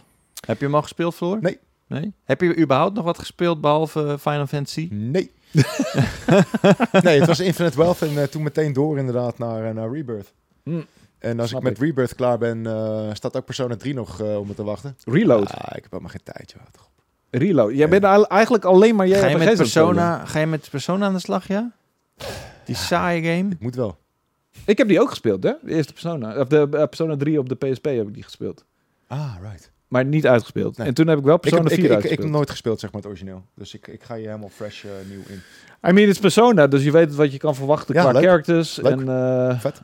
Qua battles en qua dungeons en qua psychedelische shit. Ja. Het, is, het is wel eh, leuk. Ik Ik, ben wil- ik wil wel eigenlijk even een... eh, ik, ik wil iets anders spelen. Ik wil iets simpels. Iets gewoon met mooie graphics. Eh, ja, en wat in 120 fps draait, alsjeblieft. ja, nee, ik, eh, ik ben wel toe aan even iets anders inderdaad eh, tussen al dat JRPG eh gebeuren. Ik ben echt... pff, Maar wat ga, wat ga je dan doen als, als simpele tussendoor? Dat weet ik nog niet. Geen Pallet, cleanser. Weet ik nog niet. Voorlopig ben ik ook echt wel even bezig met Rebirth, hoor.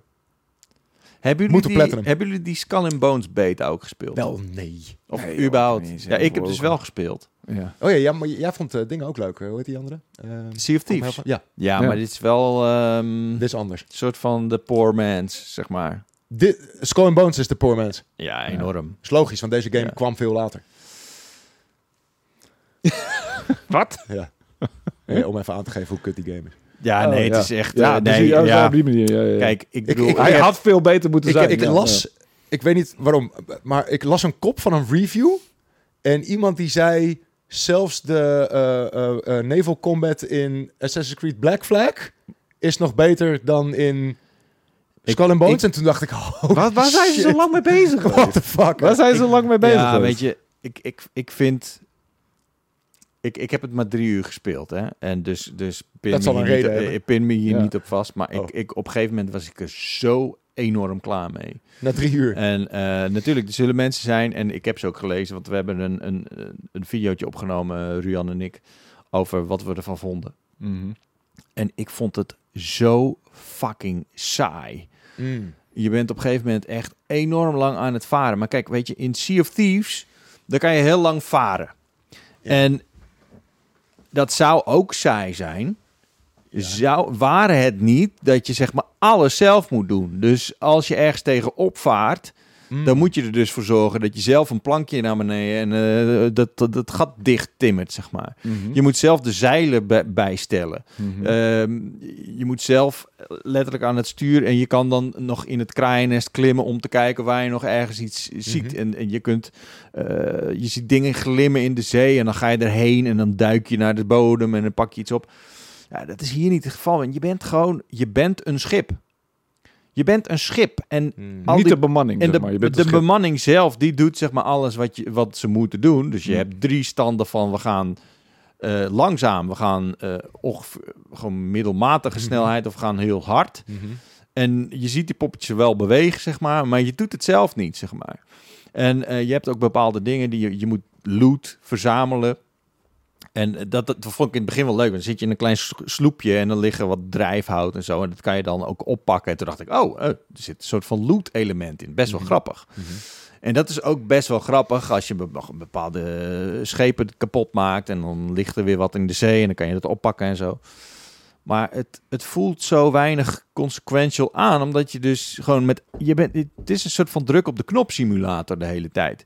Mm. Dus je, je bent, de gameplay vind ik gewoon boring. Mhm. Ehm, en zeker op het moment dat je dus hout nodig hebt om iets te craften. Mhm. En dan kan je dus op de kaart zien van oké, je hebt bepaalde bomen, acacia bomen, want je hebt acacia hout, dat is daar. Dan, ga- je daar voor het eerst heen, denk je van oké, nou ik ga die bomen even omhakken of zo, weet je. In Sea of Thieves kan, kan dat bijvoorbeeld. Of ik weet niet of je echt bomen op kan hakken, maar maakt niet, maakt niet uit. Je kan op een eiland en dan loop je er rond en Ja. dan kan je graven en, en gevechten aangaan met kippen en eh, skeletten, wat dan ook. As you do. Ja. Maar hier ga je daar naartoe en er staat een boom op het strand. En dan Dat is dat is gek. En daar sta je Ah, ernaast. Ja. En dan druk je op F. En dan heb je ineens En dan hout. is er een soort van minigame, wat geen minigame is. Oeh. En dan krijg je die dingen in je schip. En dan loop je. Wacht, ik kom er niet overheen dat, het, dat er een boom op het strand staat, inderdaad. Daar kom ik even niet, Nou, het, kan ik staat, niet het staat, nou ja, een soort van. beetje, net, beetje aan de rand, zeg maar. Dat beetje kan. aan de Oh, rand. wel, ja, want, jij, misschien. want je Ja, bent een schip. strand, je ja. bent een schip. Je kan er in principe niet uit. Nee, oké. Alleen dus niet maar in het witte zand van het strand, eh, de pontificale boom. Nee. Oh, gelukkig. Nee, maar wel bijvoorbeeld ook kokosnoten. Toen dacht ik, ja, toen dacht ik van ja, eh, oké, mm, ik vind het niet heel erg interessant. Op een gegeven moment de gevechten, dan, eh, ja, ik, ik, ik bedoel, laat ik niet klagen over de, eh, het realisme van piratengevechten in een game waarin je een boot bent. Mhm. Maar het is gewoon niet heel erg interessant. Ja, maar de, Want je bent- hiervan is... Je begint de game met een tutorial en dan speel je dus met een piratenschip Ja. Best wel goed bewapend. Op een gegeven moment ben je een soort van machinegeweer met, eh, met- met kanonskogels. Dat is echt zo dat je denkt van oké, eh, dit, dit liep een beetje uit de hand. Maar je bent echt tegen 25 schepen aan het vechten in je eentje. Op een gegeven moment, Dit is, ja, dit je wordt helemaal, van een sim. Dus ja, je werd dus niks. helemaal kapot geschoten met kanonskogels, maar op een of andere manier overleef je het. Ik bedoel, het is een tutorial. Ik weet ook wel dat het Mm. ook wel een soort van de bedoeling is dat, dat je daar iets van moet leren of zo. Maar Precies. maar kom je op een gegeven moment een soort van baasschip tegen. en dan, dan delf je naar 25 eh, schepen die je hebt verslagen. Delf je het onderschip tegen, het onderspit Onderspit. tegen een Onderschip is wel ja. een leuke play op words. Ja, dat wel. Maar, maar dat dan- was dus, dan, dan ga je terug naar een crappier schip, neem ik aan. Nee, dus dan, dan Ja, ben je dus Precies, daar inderdaad... reset je inderdaad. Ja, Dan ja. ben je een drenkeling, of hoe noem je dat? Een eh, verschepeling of een... eh, Een drenkeling, Iets toch? met een Ja, link. drenkeling. Schepeling? Wat de fuck is dat nou? En dan, en dan kom je dus een paar mensen van je, van je crew tegen. Ja. En dan denk je van, oké, ik heb je, je hebt echt in een epische battle 25 schepen gezonken.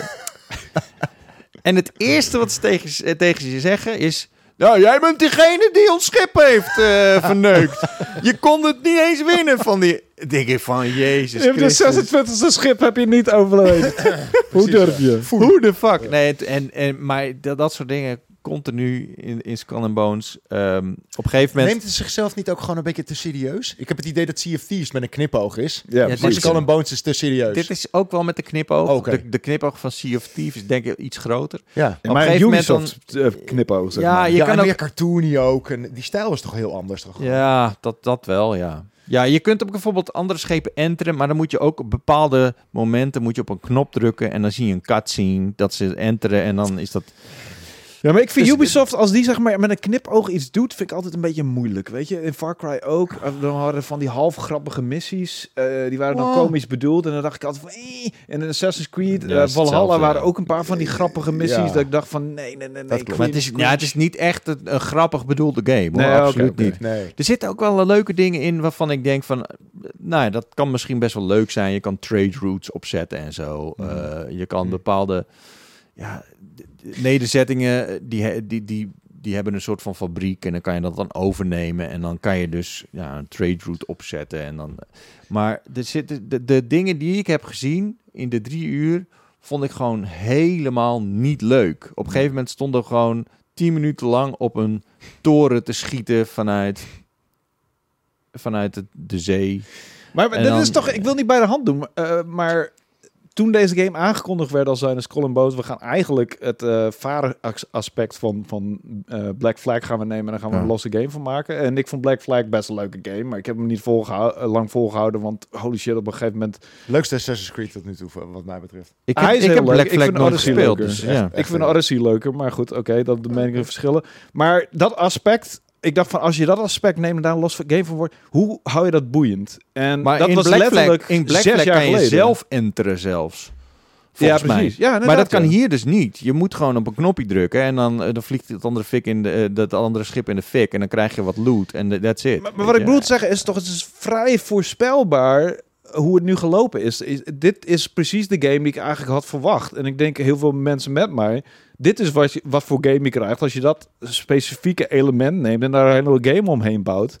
Het wordt, gaat gewoon niet boeiend worden. There's no way. En, en ik weet niet waarom ze heel vaak opnieuw zijn begonnen en waarom ze heel vaak, zeg maar... ehm, Omdat ze wisten dat het niet boeiend was. ja, maar hoe, mensen hebben ook, het lijkt alsof ze hun best niet hebben gedaan om er wel iets boeiends van te ma- maken of zo. Weet je, zo van, wat zijn nou precies, Ja. wat hebben ze tijdens die resets gedaan? Wat hebben ze gedaan tijdens die momenten waarvan ze dachten, nee, we gaan het anders doen. Maar ze hebben helemaal niet Nou, op een gegeven iets moment, anders volgens gedaan. mij hebben ze, want je kunt in de hubwerelden kun je wel uit je schip, zeg maar, en dan kan je tegen met bepaalde mensen praten. En dan kan je naar bijvoorbeeld een blacksmith gaan of naar de, de, de shipwright, die, die zet wat op je schip.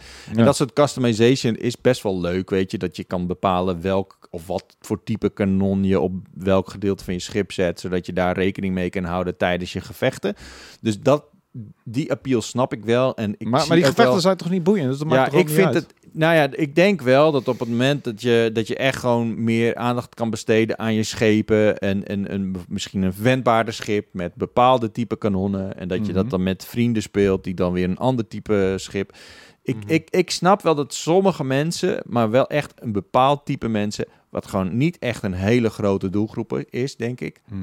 Dat die dat leuk vinden. Ik zie ook wel mensen. Ik, ik, ik was dus op Reddit aan het zoeken. Ik ben dan altijd op zoek naar mensen die het wel leuk vinden. En waarom dan? Ja. Mhm. Nou, die, ik zie dus een, heel veel mensen die zeggen: Ja, ik vind het gewoon heel erg rustgevend dat, dat je gewoon eh, lekker op je schip zit en, en, en dat, dat je, je crew dan shanties eh, begint te zingen. En, Oh, en, oh ja. en dat je, Kun je ook nieuwe shanties unlocken, net zoals in Black Flag?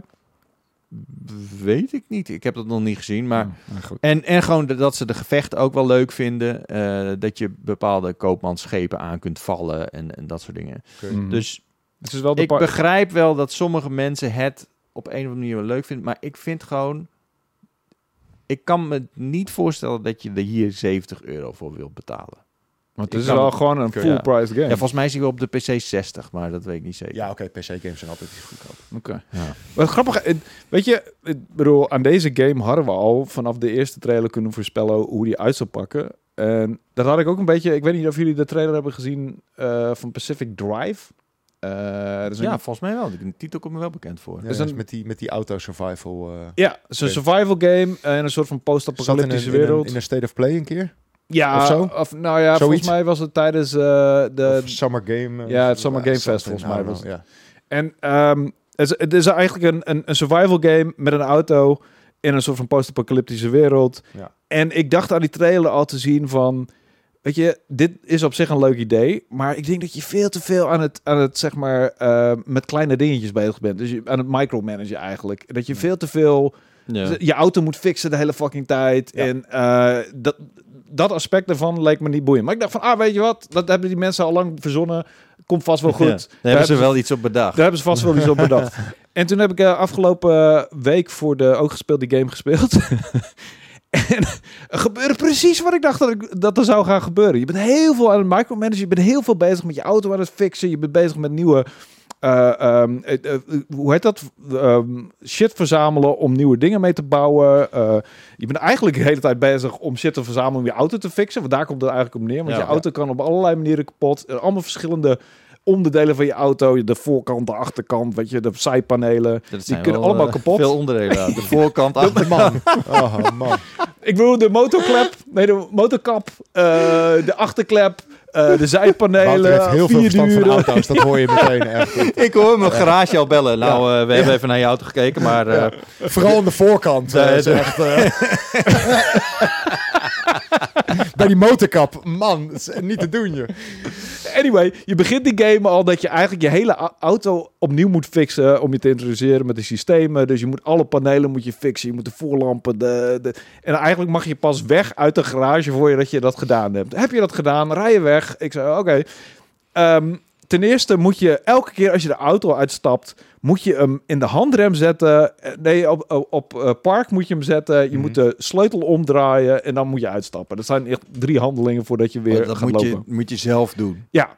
Elke fucking keer als je uit de auto stapt, moet je dat doen. En je stapt zo fucking vaak uit je auto... dat je op een gegeven moment alleen al horendol wordt... van het feit dat je heet dat je, je... Het is niet even klik, klik. Nee, het is ingedrukt klik.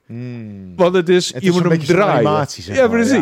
is- oh ja, dat is wel dus kut. elke fucking keer. En, ehm, en toen op een gegeven moment... Nou, was ik eigenlijk... Dat doet vrij- me denken trouwens dat een keer eh, mijn auto die was, die werd gemaakt. Toen moest ik een, huur, of een leenauto mee.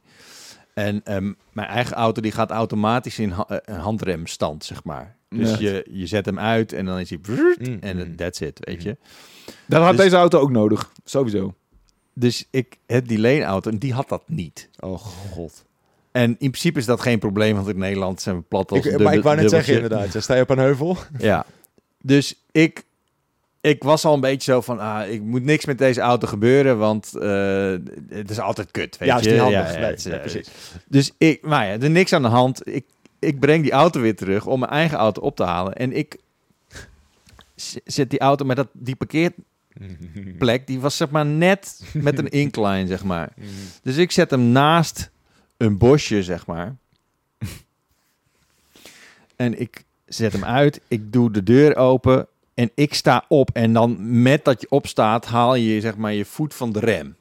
Ah, juist. En je stond ook al met één voet buiten, zeg Ja. maar. Juist. Dus je voelt ineens dat je auto aan de kant gaat. En in één keer begint die auto te, naar achteruit te rollen. En die neemt echt zo met dat portier, portier neemt hij dat hele bosje mee. En het was echt precies recht voor de receptie van, van, die, eh, van die toko. dus ik zo er meteen in. Ik die auto weer. Godverdomme. Dus ik zet hem weer neer en ik dacht, oh, ik hoop dat niemand dit heeft gezien. En- er staat En als zo- ze het zien, dat ze even beleefd gaan lachen. Gewoon, ja, om, om maar de, de, spanning de, te de- breken. ik moest ook gaan letterlijk gewoon stukjes bos uit, uit, uit die deur halen.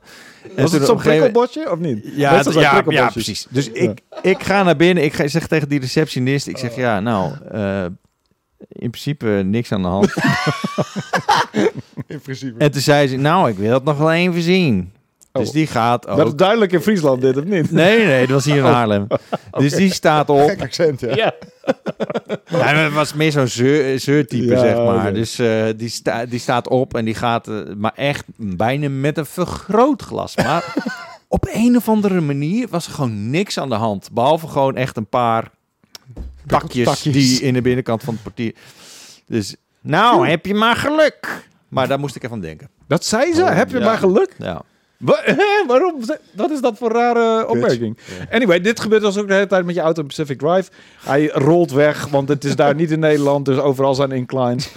Dus je moet, je leert ook vanzelf af om hem niet. Weet je, ik dacht heel vaak van, weet je wat, ik hoef hem niet de hele tijd moet je er dan achteraan rennen? Ja, dan moet je er inderdaad letterlijk achteraan rennen. Dat is best wel grappig toch eigenlijk? Ja, maar het is ook fucking irritant. maar ik had dus eh, het eerste level zeg maar, van die game. En op een gegeven moment, ehm, er was, ik moet door een of andere gate heen. Want het is ook een beetje vaag, paranormaal. En er zijn post-apocalyptische dingen aan de hand. En, Precies, eh, het, is, het is een spannende game, toch? ja, Ja. en het een soort van survival horror ook. Precies. En het vereist best wel wat uitleg, sommige elementen. Dus op een gegeven moment is er een element waarin je eigenlijk door een poort heen moet rijden. Eh, en als je dat niet doet, dan komt er een storm aan en die vernietigt je hele fucking auto. En ik had niet helemaal door wat ik nou moest doen. En ik dacht van, oké, ik moet door die poort, I guess. En ik wilde erheen rijden, maar ik moest een heuvel door. Ik moest allemaal door een bos heen, waar ik allemaal door verschillende eh, bomen moest. Ik dacht van, dat kan niet kloppen dat ik daar doorheen moet. Mijn auto kan volgens mij niet eens die heuvel over. Dus het duurde even voordat ik door had dat ik naar die poort moest rijden. Ondertussen komt die storm eraan. Die vernietigt mijn hele fucking auto. En eh, na iets van twee uur, drie uur spelen of zo, ben ik weer terug af in de fucking garage. Moet ik weer mijn hele auto fixen. Met het verschil dat ik niet al die resources heb om mijn auto te fixen. Dus er staan hele lijst van, ja, fix dit, fix dat. Maar ik heb die resources niet, want die heb ik allemaal verloren. Omdat het een soort van roguelike is. Ja, precies, dat wilde ik zeggen inderdaad. Ja, dus al mijn shit ben ik verloren. Ik moet eigenlijk begin, eh, eh, terug Met van heel af opnieuw, beginnen. ja. Hè? En heb je ook- van, heb je ook een waarom is soort dit van- leuk? Heb je ook een soort van unieke upgrades dan voor je auto? Ja, wel. Je kan wel dingen, je kan wel dingen upgraden die zeg Ja, nee, maar nee, maar, blijven. maar ik bedoel, dus kan je een soort van lucky run hebben. met, met de vetste upgrades. Eh, Snap je wat ik bedoel? nou, het is niet. Ik denk niet dat het zozeer ehm, elke keer opnieuw een run moet zijn. Eigenlijk, ik, ik was gewoon omdat ik de game nog niet snapte en ik was ook een beetje slaperig om eerlijk te zijn. Ik had slecht geslapen. Had ik dus eh, best wel pech. Dus ik denk niet dat het de bedoeling is dat je run elke keer zo het is, het is afloopt. niet echt een loop, zeg maar. Nee, precies. Oh. Maar ik had wel zoiets naar één zo'n eh, zo'n level. En ik denk dat het ook wel moeilijker wordt, want er komt steeds meer tegenstand. Hier had ik nog niet eens zoveel vijanden. De ene vijand die ik had was een soort van fucking storm die mijn hele auto molde. En ik wist niet waar ik naartoe moest. Maar toen, had ik, toen moest ik dus mijn hele auto weer opnieuw fixen, zonder die resources. Toen dacht ik, Mm. uiteindelijk kwam ik erachter van, ah, ik kan wel al gewoon beginnen zonder dat ik mijn auto fix. Maar dan rij je er eigenlijk met een fucking auto die gewoon geen bescherming biedt. Dus die binnen de kortste keer ben je, ben je dan dood. Maar ik was zo bezig met kleine pieldingetjes en nieuwe panelen en de hele tijd. Ik was een, een, je bent eigenlijk al een half uur bezig om te zorgen dat je auto Ja. gewoon in optimaal vorm is om mee te rijden. En als je een lekker band hebt, dan ben je ook al fucked. En dan moet je er een speciale ehm eh, fix kit voor hebben. En die heb je dan ook weer resources Ik voor moet nodig. eerlijk zeggen En dat- Ik vind, ik vind het best wel Het- leuk het, klinken klinkt eigenlijk. best wel grappig eigenlijk. het is best Maar ik vind wel... auto's ook gewoon cool. Ja. Misschien helpt dat. Ik weet Het niet. is ook wel een leuk idee. Het is absoluut een leuk Ja. idee. Maar het kostte me eigenlijk op dat moment te veel tijd. Want ik zat in de laatste uren van mijn, van mijn deadline. Het was niet alsof ik nog super veel tijd had om eh, in deze game te Ja, Dus in feite is het ook wel een leuk idee. En het kan ook best wel leuk uitpakken. En het is ook wel interessant wat er precies in die, in die rare Mm. wereld aan de hand is. En er zit ook wel een leuk verhaal in, denk ik. En het is ook maar door vier mensen gemaakt. Dus het is best wel bewonderingswaardig. Maar het was wel een game waarvan ik dacht... "Eh, Dit wordt geen garage.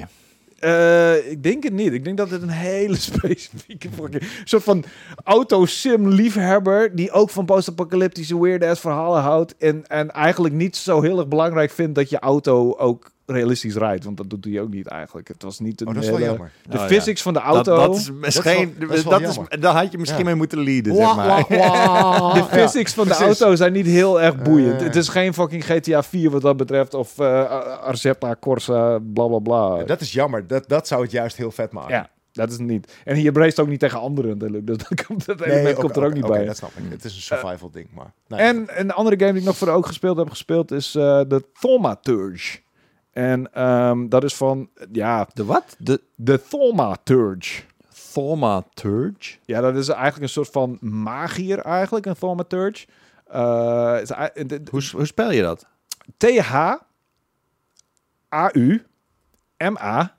T-H-A-U-M-A-T-U-R-G-E. Eh, het is eigenlijk van... eh, Wat? Oké. ja, het is weird. De- we hebben al Het klinkt keer- als een skill in Baldur's Gate. Ja, Ja. inderdaad, ja. Van eh, Ar Arlog. Of weet ik voor die gast. Karlach. Karlog. Precies. Die shit.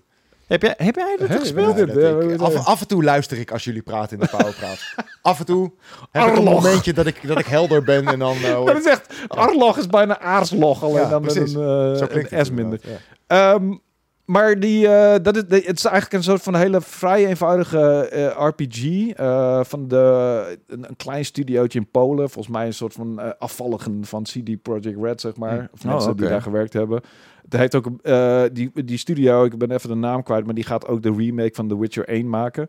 En je merkt ook wel ehm, dat Poolse, dat, dat mistroostige, dat deprimerende. Oh, ehm, juist. En eh, alleen dan met een stuk minder mooie character models. Want die character models, dat zijn gewoon echt... Ik vergeleek het in mijn, in mijn stukje van... eh, het lijkt Fool's alsof een... Theory. Fool's developer. Theory heet die, ja. Ik, ik zei in mijn, eh, mijn stukje van... Het lijkt alsof iemand een Poolse ehm begraafplaats wakker heeft gemaakt. Want al die gasten die zien er gewoon uit alsof ze fucking dood zijn. Is bewe- hun gezichten bewegen ook nauwelijks. Maar het interessante is van die game... dat het zich in een soort van... deels historisch accuraat Warschau afspeelt. Dus er zitten heel veel historische figuren in die ook daadwerkelijk bestaan hebben. En dan heeft het die, die bovennatuurlijke thaumaturge eh twist. Als in, ehm, je bent een, een, een soort van tovenaarachtige dude. En eh, die, die, eh, in feite komt het erop neer dat je spoken verzamelt die, en die vechten aan je zijde. En dan heb je turn-based battles die niet heel erg bijzonder zijn. En die ook een beetje onnodig verwarrend zijn trouwens. Ik snap er niet helemaal... Het is een beetje JRPG-achtige turn-based battles, eh, komt het op neer. En dan heb je een soort van persona-achtige characters die met je meevechten. Dat is cool. Ehm, is op zich wel cool.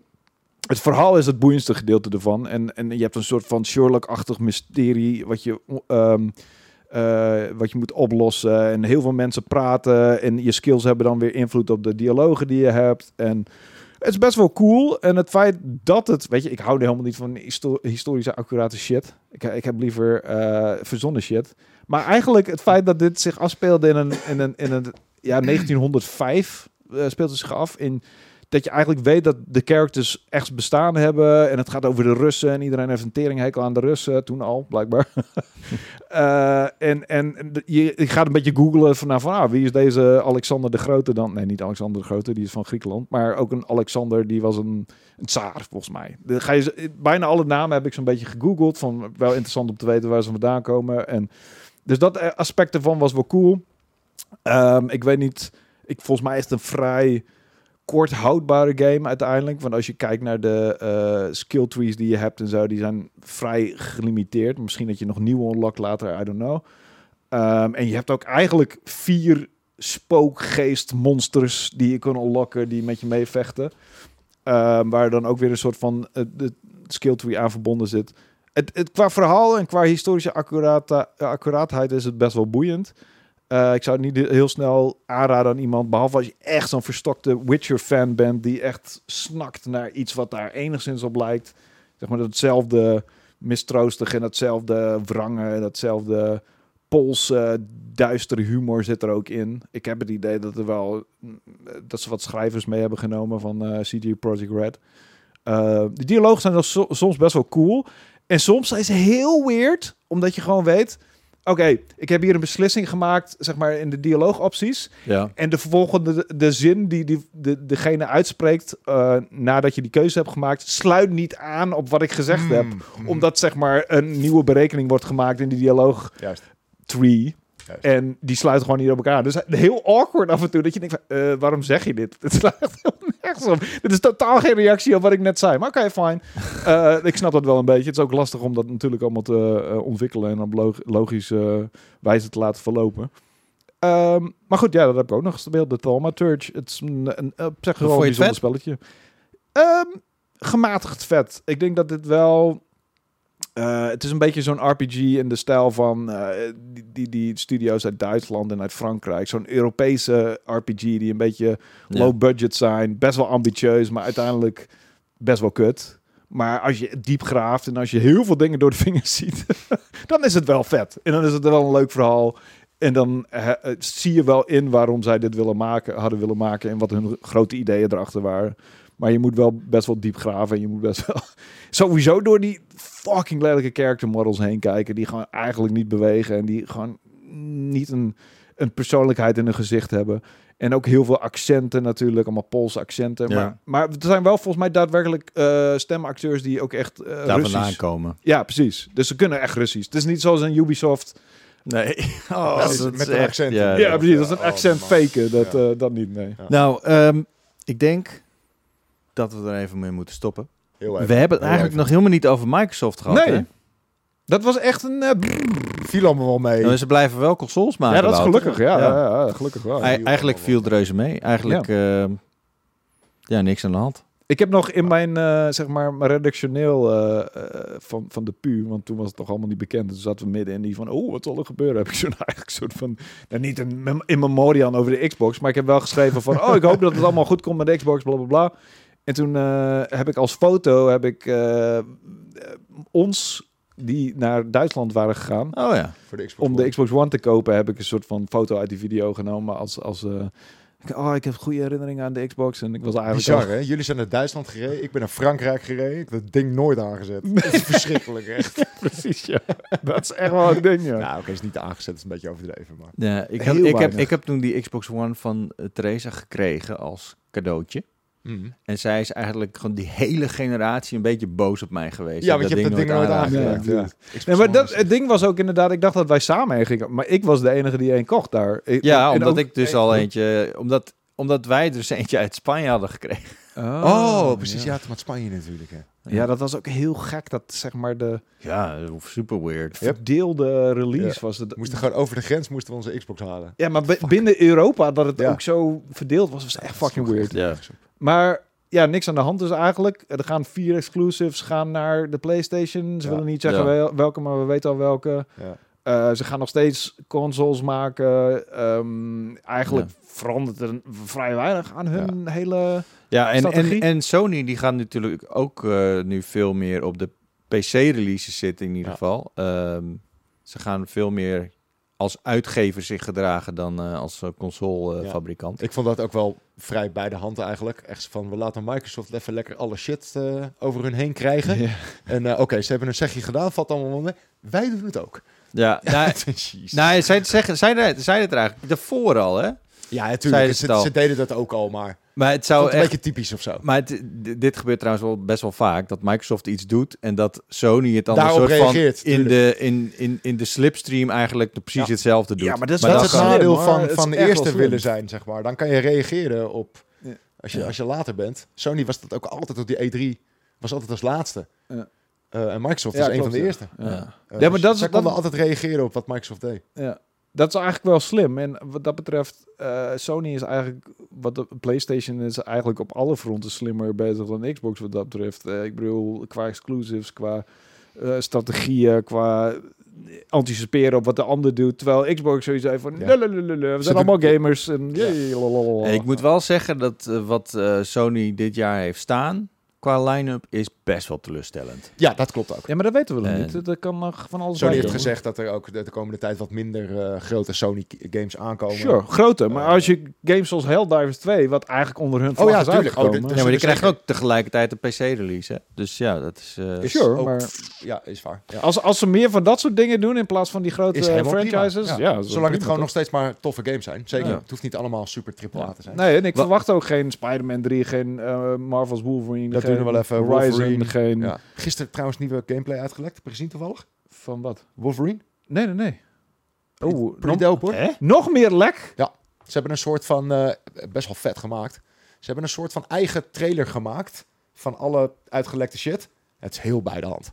Oh, ja. Eh, met muziek eronder en weet ik wat. Het is echt best wel cool. oh, ja, nice. Oh. En het is super pre-alpha. Ja, ik, als moet, je daar een beetje doorheen kijkt, het is echt een vette game, man. ja, ik moet zeggen, ik heb die, die, Ik die vind hem iets te gameplay veel die- Spider-Man-y. eh. Nee, nee, nee, nee. Check de nieuwe trailer maar. Is Ja. niet Spider-Man. Ik, ik, ik ja, heb, maar dat is ik toch heb, een fake trailer, of niet? Ja, maar kijk maar. Gewoon een fan-made ja, shit. maar het is gemaakt Ja, van bestaande Ja. gelekte gameplay. Precies. Dus ik heb die shit ook wel bekeken en Ja. ik vond het...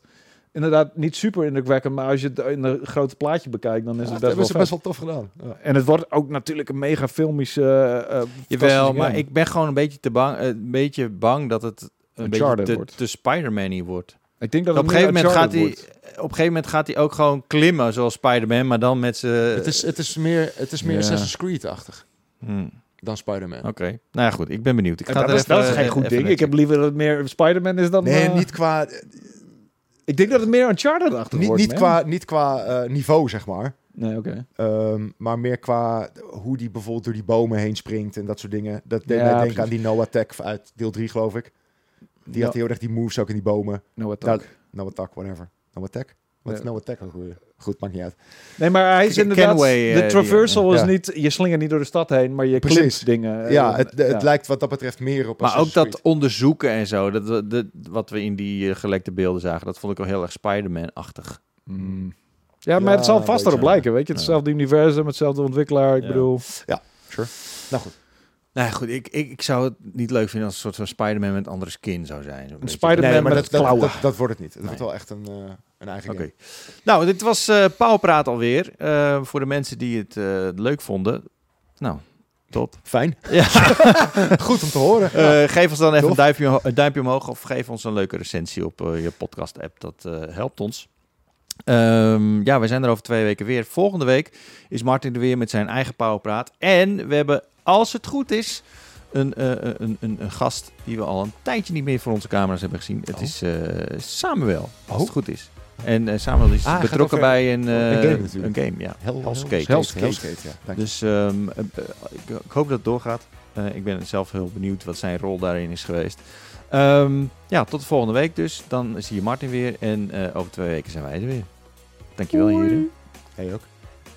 Graag gedaan. Dag.